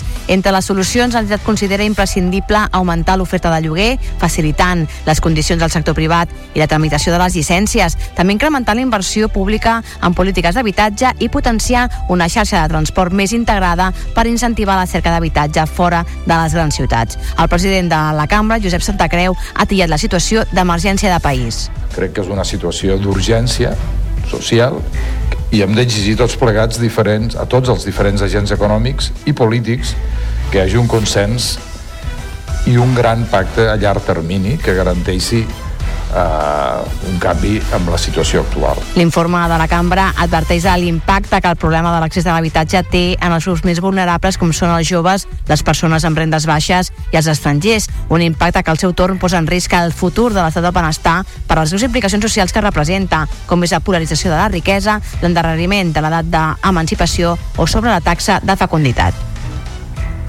I estem avui molt pendents, o estarem molt pendents, quan obri la borsa de la cotització de la farmacèutica Grífols a l'IBEX 35.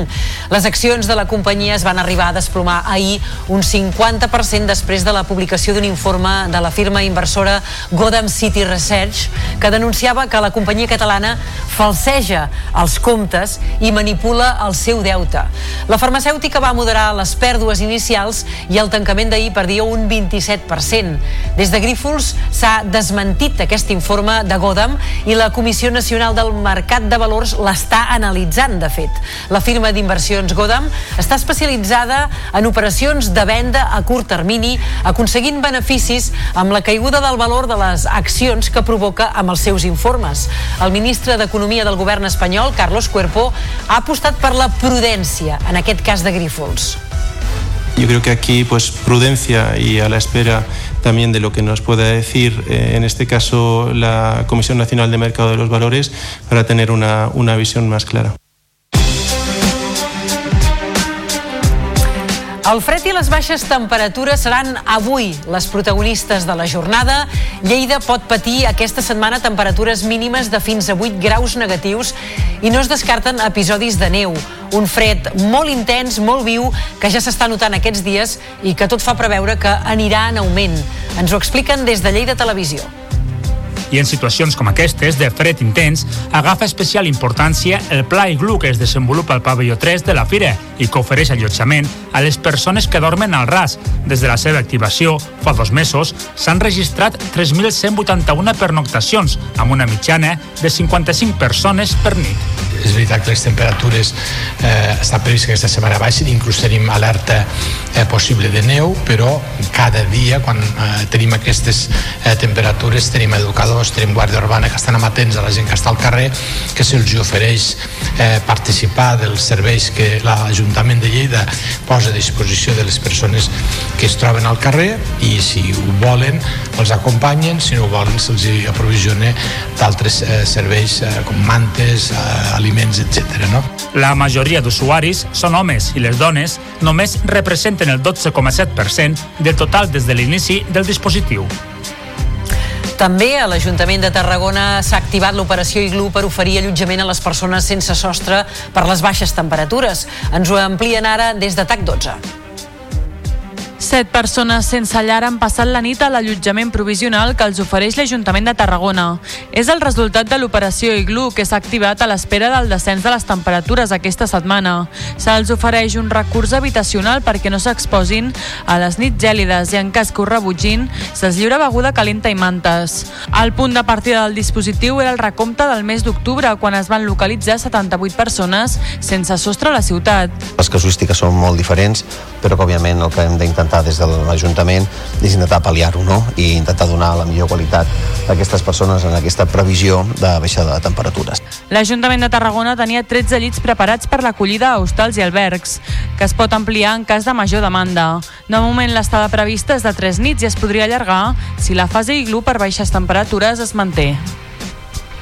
Ahir ja en parlàvem, avui tornem a fer referència i tornem a insistir a partir de les investigacions dels Mossos d'Esquadra la hipòtesi principal sobre la mort d'un pare i els seus dos fills al seu domicili d'Horta de Barcelona continua sent que es tracta d'un cas de violència vicària. La policia treballa amb la possibilitat que el pare matés els fills i després se suïcidés. El cas es manté encara sota secret d'actuacions. Justament ahir dimarts, diferents representants polítics del govern català i de l'Ajuntament de Barcelona van van fer un minut de silenci per condemnar el crim masclista d'una veïna de Sant Martí, de 38 anys, i d'aquest possible cas de violència vicària d'Horta dilluns a la tarda. La consellera d'Igualtat i Feminismes, Tània Verge, i també l'alcalde de Barcelona, Jaume Collboni, van condemnar totes tres morts per violència masclista.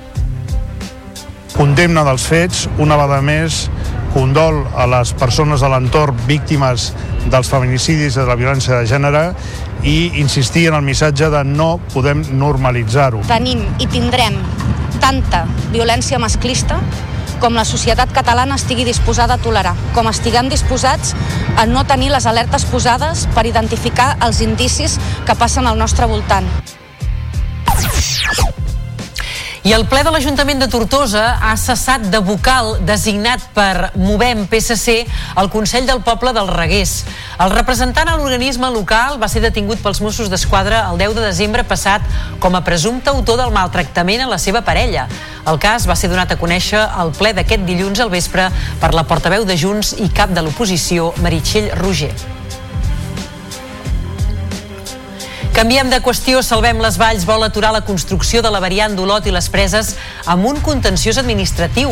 Des de l'entitat creuen que és necessari parar aquest projecte i critiquen que la gran majoria d'ajuntaments no han fet passos per millorar la mobilitat. Ampliem la informació des d'Olot Televisió.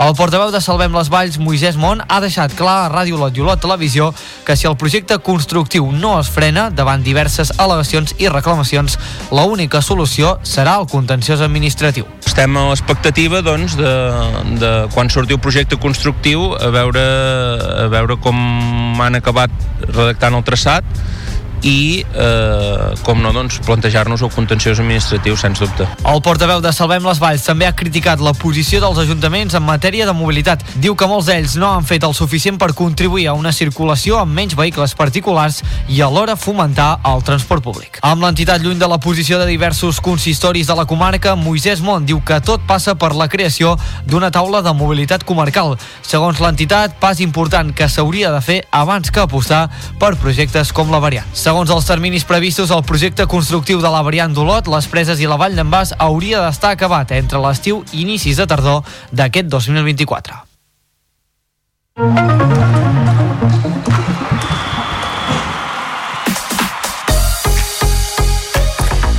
Donem fe, doncs, que aquests virus respiratoris està fent, estan fent estralls. Entrem ara ja sí en la crònica esportiva. El Barça ja és arriat per disputar el primer títol del curs, la Supercopa d'Espanya. Xavi ha fet una convocatòria àmplia de fins a 25 jugadors que inclou Pedri, Cancelo i Íñigo Martínez sense l'alta mèdica. L'equip farà avui un darrer eh, entrenament abans de debutar demà en semifinals davant l'Ossassuna. La competició arrencarà aquest vespre amb el duel entre el Real Madrid i l'Atlètic de Madrid que definirà el primer finalista. I Jonathan Giraldez ja té equip per a la propera temporada, un cop deixi la banqueta del Barça. Es tracta de les Washington Spirit, equip de la Lliga Femenina Nord-Americana. És un dels conjunts més destacats de la National Women's Soccer League, campió l'any 2021. El tècnic blaugrana ja havia comunicat oficialment que no renovaria el contracte que finalitza el mes de juliol. I el jugador del Girona, David López, ha estat sancionat amb quatre partits per dir que l'àrbitre Ortiz Arias l'havia insultat en el partit contra l'Almeria del passat 22 d'octubre. El central català, que va demanar disculpes però va ser denunciat pel comitè tècnic d'àrbitres, no podrà jugar els propers quatre duels de l'equip gironí entre Lliga i Copa i haurà d'abonar una multa de 601 euros. Cal destacar, però, que està actualment lesionat i no està prevista una reaparició imminent. I el Barça té aquesta setmana doble jornada d'Eurolliga. El primer duel serà avui al Palau davant l'Olimpiakos de Georgios Barzokas a partir de dos quarts de nou. Després d'un desembre molt irregular, els de Roger Grimau han començat l'any amb tres victòries seguides i volen confirmar la reacció amb un resultat positiu davant dels grecs. No, no sé si és un clic definitiu, però sí que és veritat que, que hi ha hagut un... Uh, bueno, uh, algo diferent aquesta setmana, que hem estat millor, uh, especialment jo crec que el partit més complet contra, contra el Madrid. Uh, espero que sí, jo crec que estem començant a agafar una línia ascendent prou bona i que, que l'hem de seguir consolidant.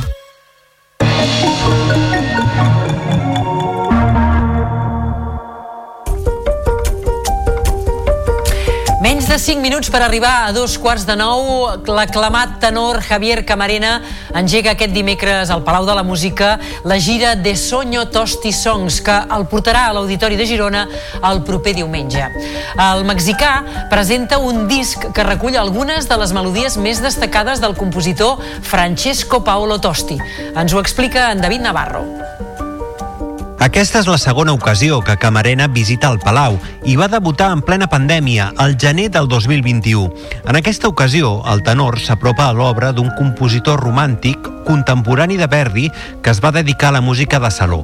Amb el disc Sonyo Tosti Songs, Javier Camarena vol donar a conèixer melodies poc conegudes però molt pensades per a la veu del tenor i el gust del gran públic. Sueño es sueño y, es este sueño de presentar eh, esta, esta música interpretada eh, pues por un tenor eh, clásico y que bien las canciones pueden tener este enfoque pero pues un tenor clásico que quiere darle el enfoque también de canción popular que ha tenido eh, siempre eh, también desde su concepción algunas de sus canciones. La gira que Javier Camarena arrenca a Barcelona el portarà diumenge a Girona, una ciutat a la qual mai no ha actuat però on va enregistrar el seu disc Contrabandista. L'històric Cinema Comèdia de Barcelona tancarà el proper diumenge 14 de gener. La sala, que es va transformar en cinema l'any 1960, estava gestionada per Yelmo Cines des de l'any 2017.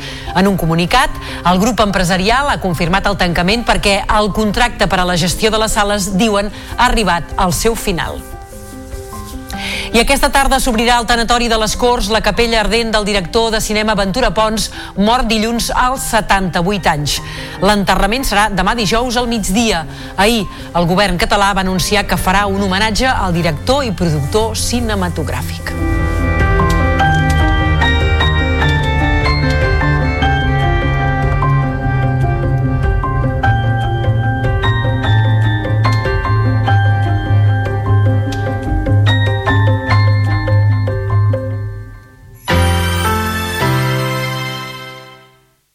La xarxa de comunicació local.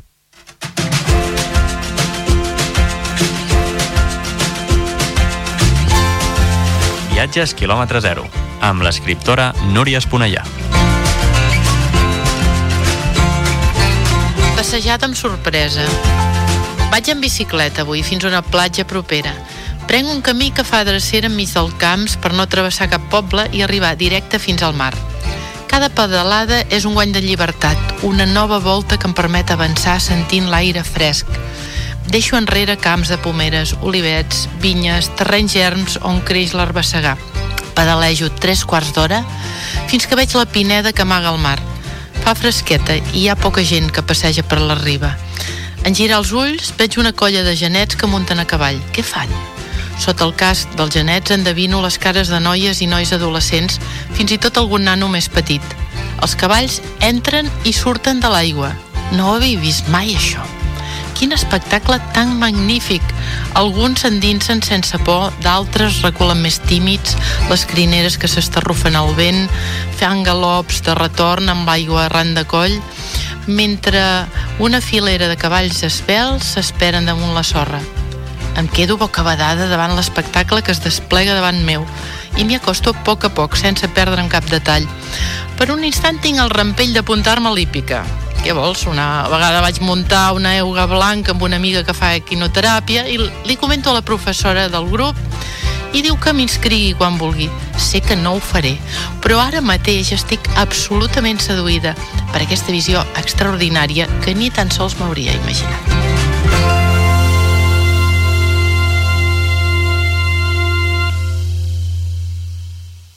La xarxa de comunicació local.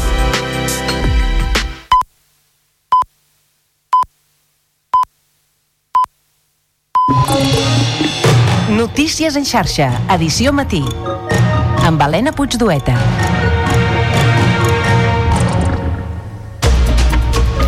Bon dia. Avui hem d'estar molt pendents del debat al Congrés dels tres primers decrets de la legislatura.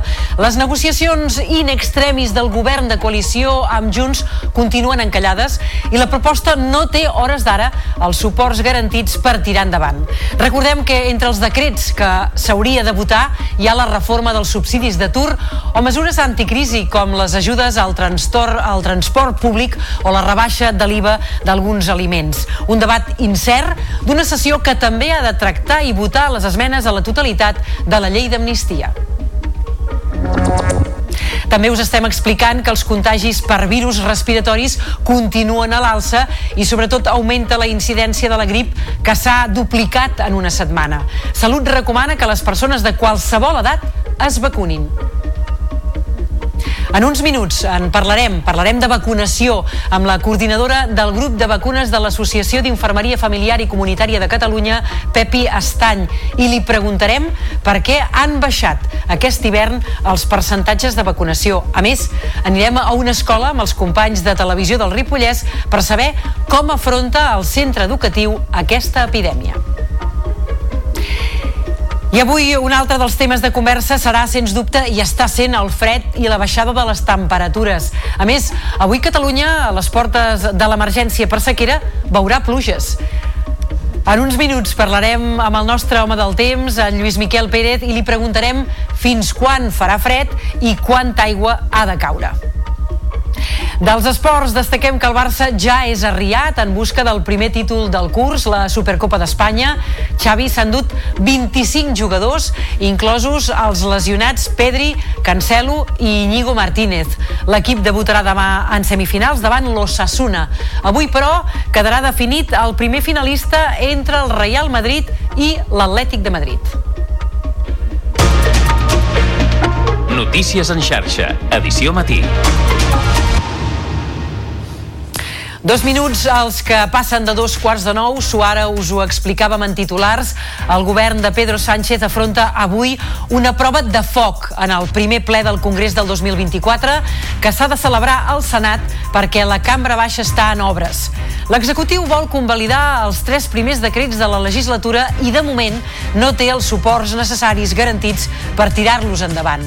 Junts per Catalunya, els socis d'investidura, tot i negociar a contrarrellotge amb el PSOE, mantenia ahir a la nit la seva negativa a donar suport a la proposta. La formació de Puigdemont insta la Moncloa a retirar els textos i a presentar-ne de nous. El decret de mesures anticrisi preveu bonificacions dels transports públics, reducció de l'IVA per aliments bàsics o la pròrroga de l'impost a la banca i energètiques. Un altre dels decrets aborda la reforma del subsidi d'atur i suposa un increment de fins als 570 euros mensuals durant els primers mesos als aturats de llarga durada que s'han quedat sense prestació. El tercer decret que s'ha d'aprovar fa referència a la justícia i contempla l'adaptació del sector a les eines digitals o la tramitació electrònica dels processos judicials. La ministra i portaveu del govern, Pilar Alegria, ha destacat la importància de les mesures. Es que estamos hablando de medidas que son absolutamente fundamentales para muchos millones de españoles. Es que estamos hablando de las pensiones de, la- de los mayores de este país. Es que estamos hablando del transporte público que afecta a multitud de jóvenes y a muchos trabajadores y trabajadoras. Es que estamos hablando del IVA de los alimentos. Es que estamos hablando de atraer esos 10.000 millones de euros de los que hablaba también el propio ministro de Economía. De la seva banda, el govern català defensa que els tres decrets socials del govern espanyol són necessaris i insinua que Junts per Catalunya gesticula. La portaveu del govern, Patricia Plaja, ha explicat que els serveis jurídics de la Generalitat han revisat els decrets i han conclòs que no hi ha invasió competencial de la Moncloa. A més, ha destacat que els textos que es votaran inclouen el traspàs de l'ingrés mínim vital pactat entre els presidents Pere Aragonès i Pedro Sánchez abans de Nadal. Són decrets necessaris sobre els que no caldria fer masses gesticulacions eh, que podrien fer que es privin dels pocs recursos que arriben aquí a, a Catalunya. Puc dir que des del govern s'han analitzat, els serveis jurídics han analitzat amb, deteni, amb deteniment tots, eh, bueno, tots aquests decrets i, i ha quedat recollit que no hi ha una invasió competencial. I fa uns minuts, el diputat del Partit Popular, Nacho Martín Blanco, ha assegurat aquí, al Notícies en xarxa, que no descarten abstenir-se en la votació i permetre l'aprovació del decret anticrisi si el govern del PSOE i de Sumar atén les peticions dels populars. El PP reclama una rebaixa de l'IRPF a persones amb ingressos inferiors a 40.000 euros anuals o una rebaixa de l'IVA de la carn, del peix i de les conserves. si el govern eh, atén les nostres eh, propostes, doncs la possibilitat d'abstenir-nos mm, està sobre la taula, en efecte. el govern ha mostrat una actitud eh, doncs molt poc dialogant amb el principal partit d'Espanya, de, que és el Partit Popular. Per això no som optimistes eh, quan eh, a, a l'actitud d'aquest govern eh, envers eh, el principal partit de l'oposició. L'altre punt d'atenció d'aquest ple serà el debat de les esmenes a la totalitat contra la llei d'amnistia presentades pel PP i per Vox. Els populars, que ja han advertit que derogaran la llei si governen, proposen dissoldre les formacions que promoguin declaracions d'independència o referèndums il·legals. La formació d'ultradreta aposta per penes de presó per als que negociïn amb pròfugs de la justícia. Les esmenes a la totalitat seran rebutjades per la majoria de la investidura i la llei seguirà el seu curs a les Corts. Segons fonts parlamentàries, la previsió és que la norma estigui aprovada a la Cambra Baixa els últims dies del gener, per després passar al tràmit del Senat perquè s'aprovi definitivament. I a Catalunya, pendents també avui de la reunió entre el govern i els socialistes per parlar sobre els pressupostos. L'executiu d'Aragonès pressiona els grups recordant-los que estan en joc 2.400 milions d'euros. Respon a Junts que seran uns comptes 100% catalans i el PSC que qui té encallats la B40 i l'ampliació de l'aeroport del Prat són els socialistes espanyols.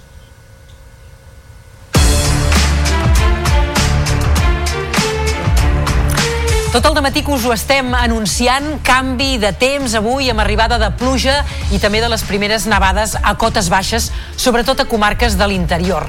No sé, però, si serà un gran canvi i si aquestes pluges seran o no una gran llevantada. Sembla que el sufler de les primeres previsions fa uns dies enrere ha baixat una mica. Li preguntem al meteoròleg de la xarxa, el Lluís Miquel Pérez. Bon dia, Lluís Miquel. Bon dia de nou, Helena. A veure, pluges esperadíssimes. Quan s'esperen i com s'esperen? No sé si aquesta dana serà gaire, gaire generosa.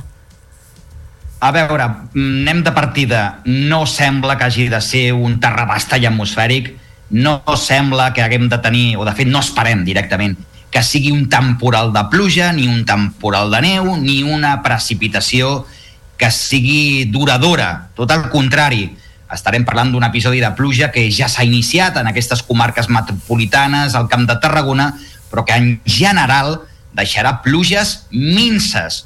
Per tant, poca acumulació d'aigua, res de temporals, tampoc hi haurà temporal de mar, per exemple, res que faci pensar en llevantades, tot el contrari, fins i tot demà el que hi anirà bufant és la tramuntana, per tant, un vent força contrari al de mar i la pluja una mica més consistent, Helena, la tindrem al llarg d'aquest migdia, primeres hores de la tarda, a la Catalunya central i sobretot a la Costa Brava. Molt a tocar de la Costa Brava, molt a tocar del mar. En general, gran part de Catalunya es quedarà per sota dels 5 litres per metre quadrat, que és misèria, però benvinguda sigui aquesta pluja. I tant que sí.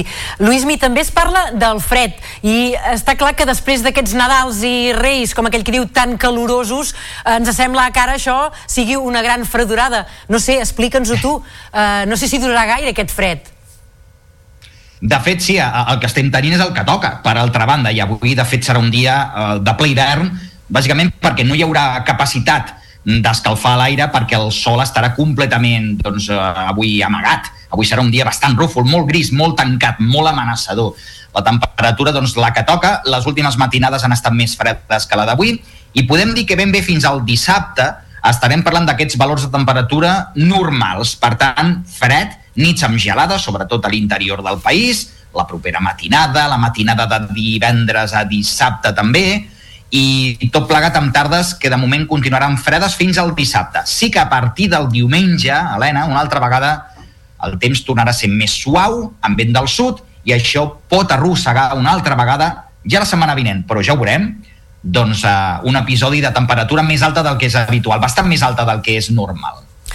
Va, Lluís Miquel Pérez, doncs gràcies, meteoròleg de la xarxa. Seguirem posant espalmetes per veure si aquests episodis de pluja, sense fer mal, es van repetint i podem combatre aquesta sequera que, que tant ens preocupa. Gràcies, bon dia. Que vagi molt bé.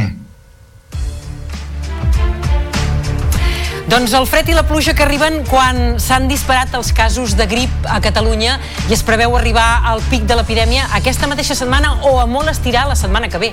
Segueixen a la grip, el rinovirus, la Covid i el virus respiratori sincitial que afecta els nadons i que continua, això sí, a la baixa.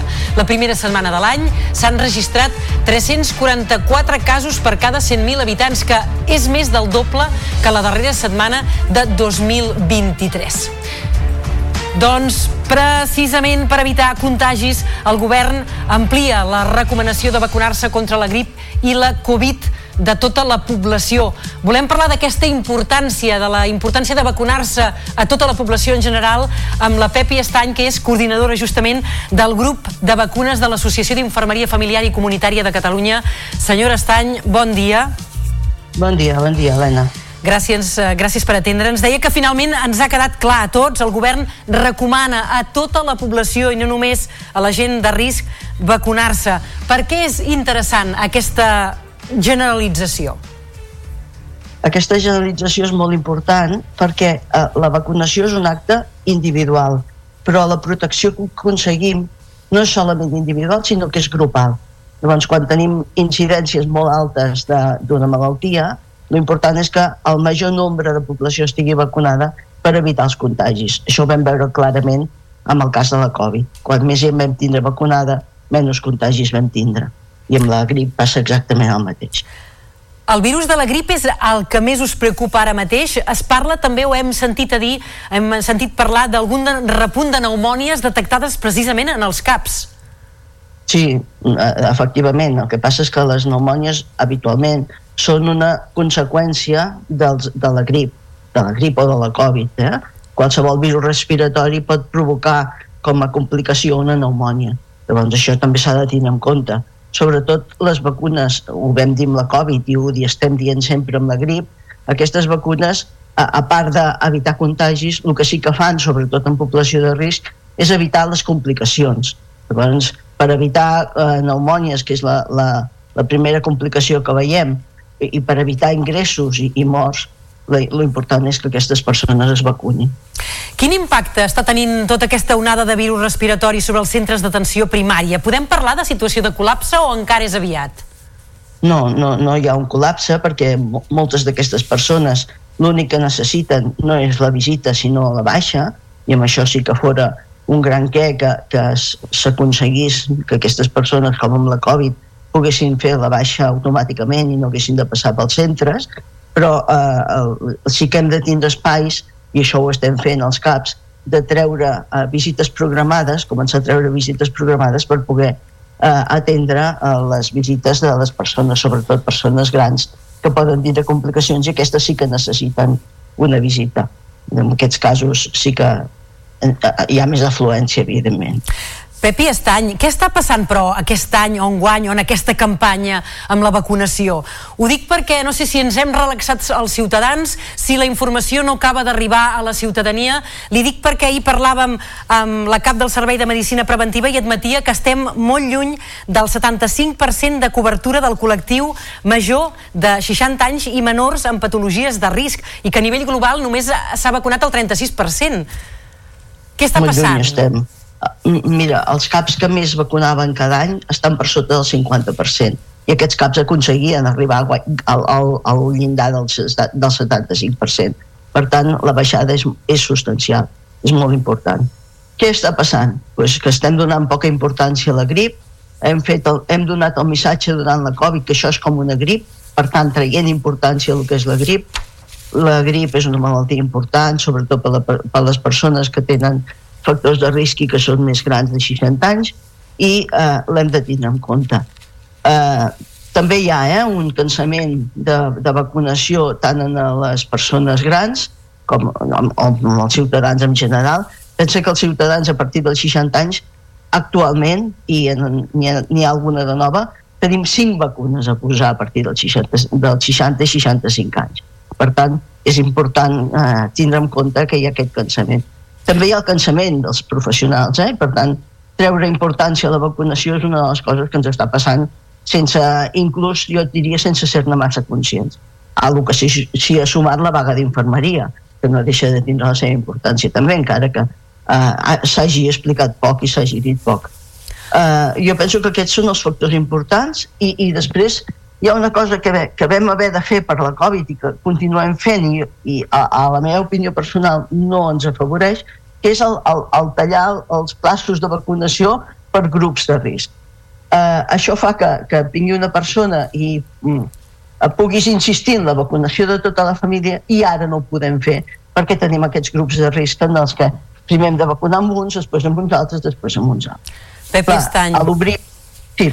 Uh, no tenim més temps, li agraeixo moltíssim però les explicacions i una mica totes les hipòtesis que fan que aquest any això no acabi de rotllar. Esperem que la tendència canvi. Coordinadora del grup de vacunes de l'Associació d'Infermeria Familiar i Comunitària de Catalunya, gràcies per atendre'ns i per la seva pedagogia i didàctica. Gràcies, bon dia. Moltes gràcies, Helena. Moltes gràcies. Doncs un dels punts de possibles contagis més important és l'escola. Aquesta setmana s'ha reprès el curs escolar després de les festes de Nadal per saber com afronten justament els col·legis l'epidèmia de grip i en general de virus respiratoris i si està aquesta epidèmia també provocant moltes baixes entre l'alumnat i el professorat ens n'anem, si ens voleu acompanyar fins a Ripoll, anem a l'Escola Badruna de la capital del Ripollès, allà hi tenim el Jordi Amàrita i la Judit Esper, de Televisió del Ripollès. Bon dia, Judit, què tal? Com està tot plegat aquí? Bon dia, doncs, Helena. Sembla que la normalitat es fa present a les escoles, tot i aquests uh, virus d'hivern, però qui millor ens ho podrà explicar és la directora del centre, la Montsina Llimós.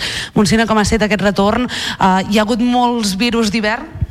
Bé, la veritat és que ha estat un retorn que, que podem dir que dintre de la normalitat del que poden ser els mesos d'hivern, després de, de Nadal doncs sempre són pics en què hi han grips, en què hi han passes de panxa, etc i això ha passat aquest any, però sense ser en absolut diferent del que havia pogut ser abans de la pandèmia o, o fins i tot els darrers anys.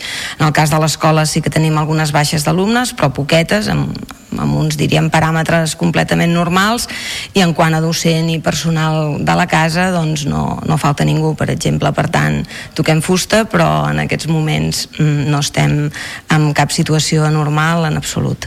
Montsina, uh, vam estar molts mesos en pandèmia, amb mesures de prevenció, no sé si això ha ajudat també a prevenir aquests contagis dins de l'escola, de tenir molta consciència de que ens hem de rentar les mans, tot plegat. Sí que és veritat doncs, que de la pandèmia en vam, en vam treure grans lliçons, com pot ser ventilar les aules, com pot ser rentar-nos les mans. Eh, també és veritat que ara doncs, amb, amb, amb menys simptomatologia, quan hi ha una mica de febre o un infant es troba malament o adolescent, doncs també truques eh, a la família. Eh, sí que totes aquestes mesures segurament ajuden, però, però quan hi ha una passa de panxa important, doncs, com, com ha set sobretot aquestes setmanes de Nadal, que no hi havia escola, doncs sí que sents que, que quan ha entrat en una família són, són molts els membres que l'han anat agafant. Això jo diria que, que és llei de vida ha passat sempre i continuarà passant Potser el període aquest de vacances de Nadal ha ajudat a que els virus eh, aquests d'hivern, també la Covid no entri tant a les aules, perquè molts ja l'han passat durant aquests 15 dies, pel que heu pogut constatar? Pot ser, i fins i tot les setmanes prèvies a les, a les vacances, no? a Ripoll com Arreu, doncs hi ha hagut una incidència de, de persones malaltes i això vol dir persones immunitzades després. Si el pic de la pandèmia, de la pandèmia de, dels virus arribés a, a ser més alt, no sé si estaríeu d'acord en que es pogués implementar també l'ús de la mascareta en certs moments, eh, en un punt que hi ha molt contacte entre alumnes, també entre professors, o seríeu partidaris de qui es trobi malament quedar-se a casa i que els altres eh, continuen la seva vida amb normalitat? El qui es troba malament s'ha de quedar a casa, perquè això doncs, és, és així. Quan algú no està bé no pot eh, assistir a l'escola per ell mateix i també doncs, pels altres en quant a contagis. L'ús de la mascareta, home, eh, n'hauríem de parlar molt. Eh? Segurament demanaríem que fos una, una decisió que es prengués des de Sanitat, perquè sí que és veritat que durant la pandèmia doncs, determinats virus no els vam tenir tant, i segur que era perquè portàvem la mascareta per la Covid, no hi van haver-hi tantes passes de panxa, la gent no estossegava tant, etc. Però també és veritat que l'ús de la mascareta, sobretot amb, amb, els, amb els nens més petits, amb els infants, doncs ens, ens mm, canvia molt eh, el dia a dia a les aules. No? Per tant, eh, bueno, pros i contres. I com amb tantes altres coses, des d'ensenyament de, des jo preferiria que fos una decisió que, que ens vingués donada. Gràcies, Montsina, per acompanyar-nos. Doncs sembla que la normalitat en aquest retorn de l'escola, tot i els virus d'hivern. Doncs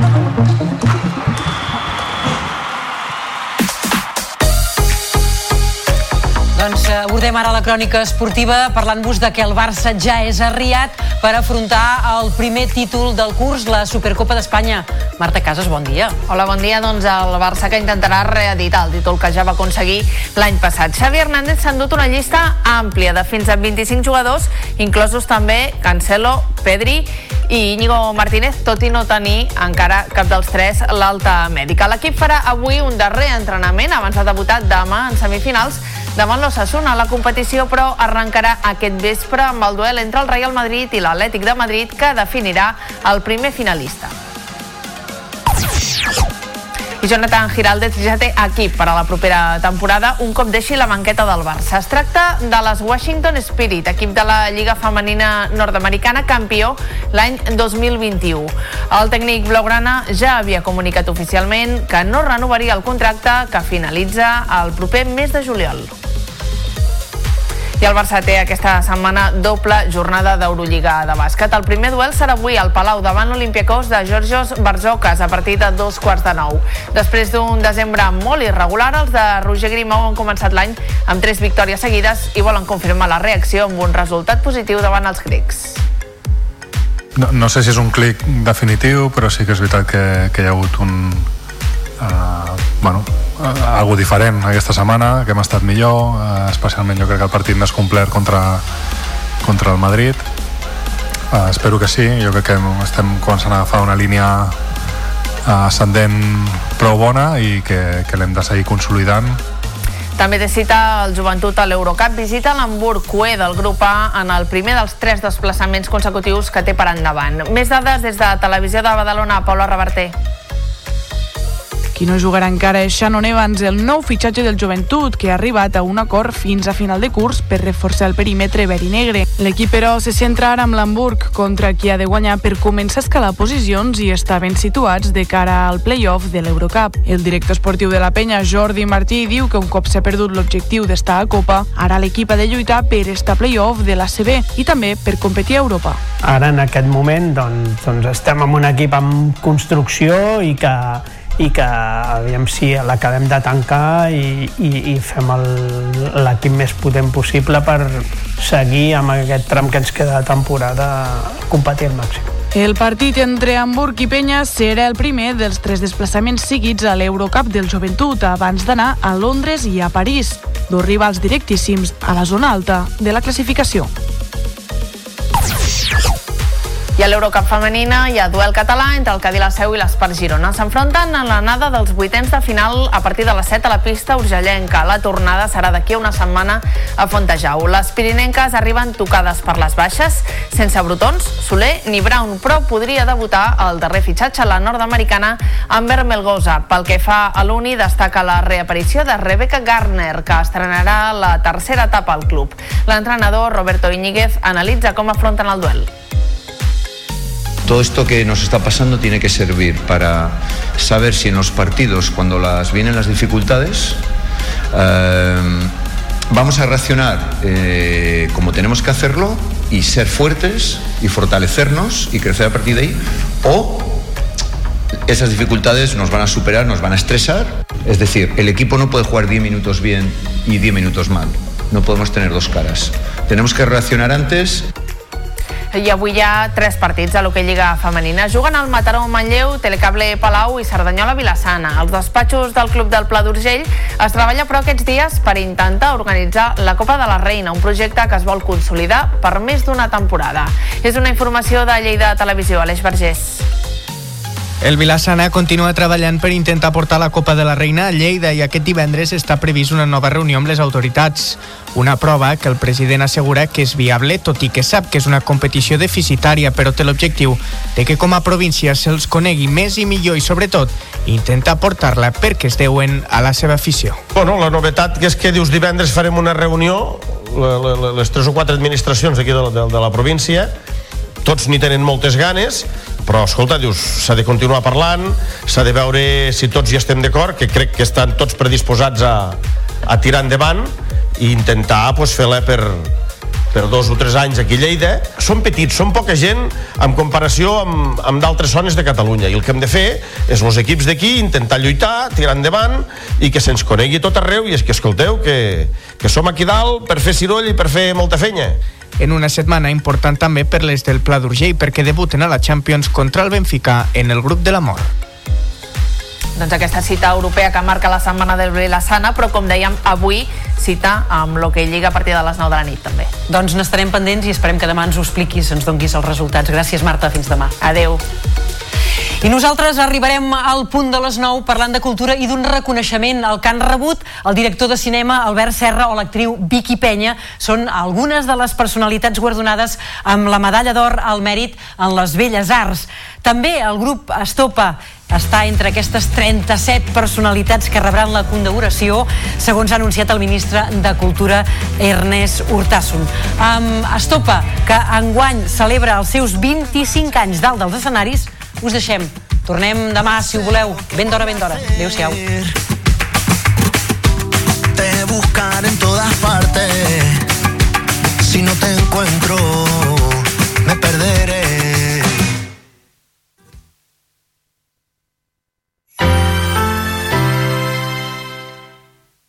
La xarxa de comunicació local. La teva mirada, la marca d'expressió de mig somriure, ganes de riure i les hores...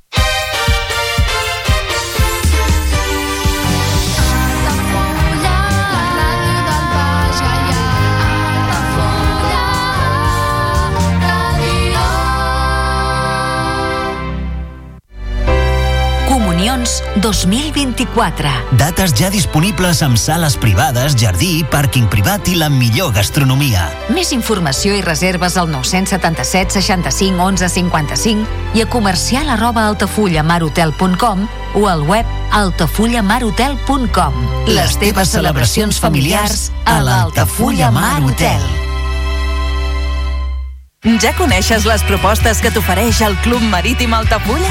Vine i descobreix totes les nostres activitats. Sortides en caia, copà del surf, cursos de vela per a totes les edats. No t'ho perdis. Club Marítim Altafulla.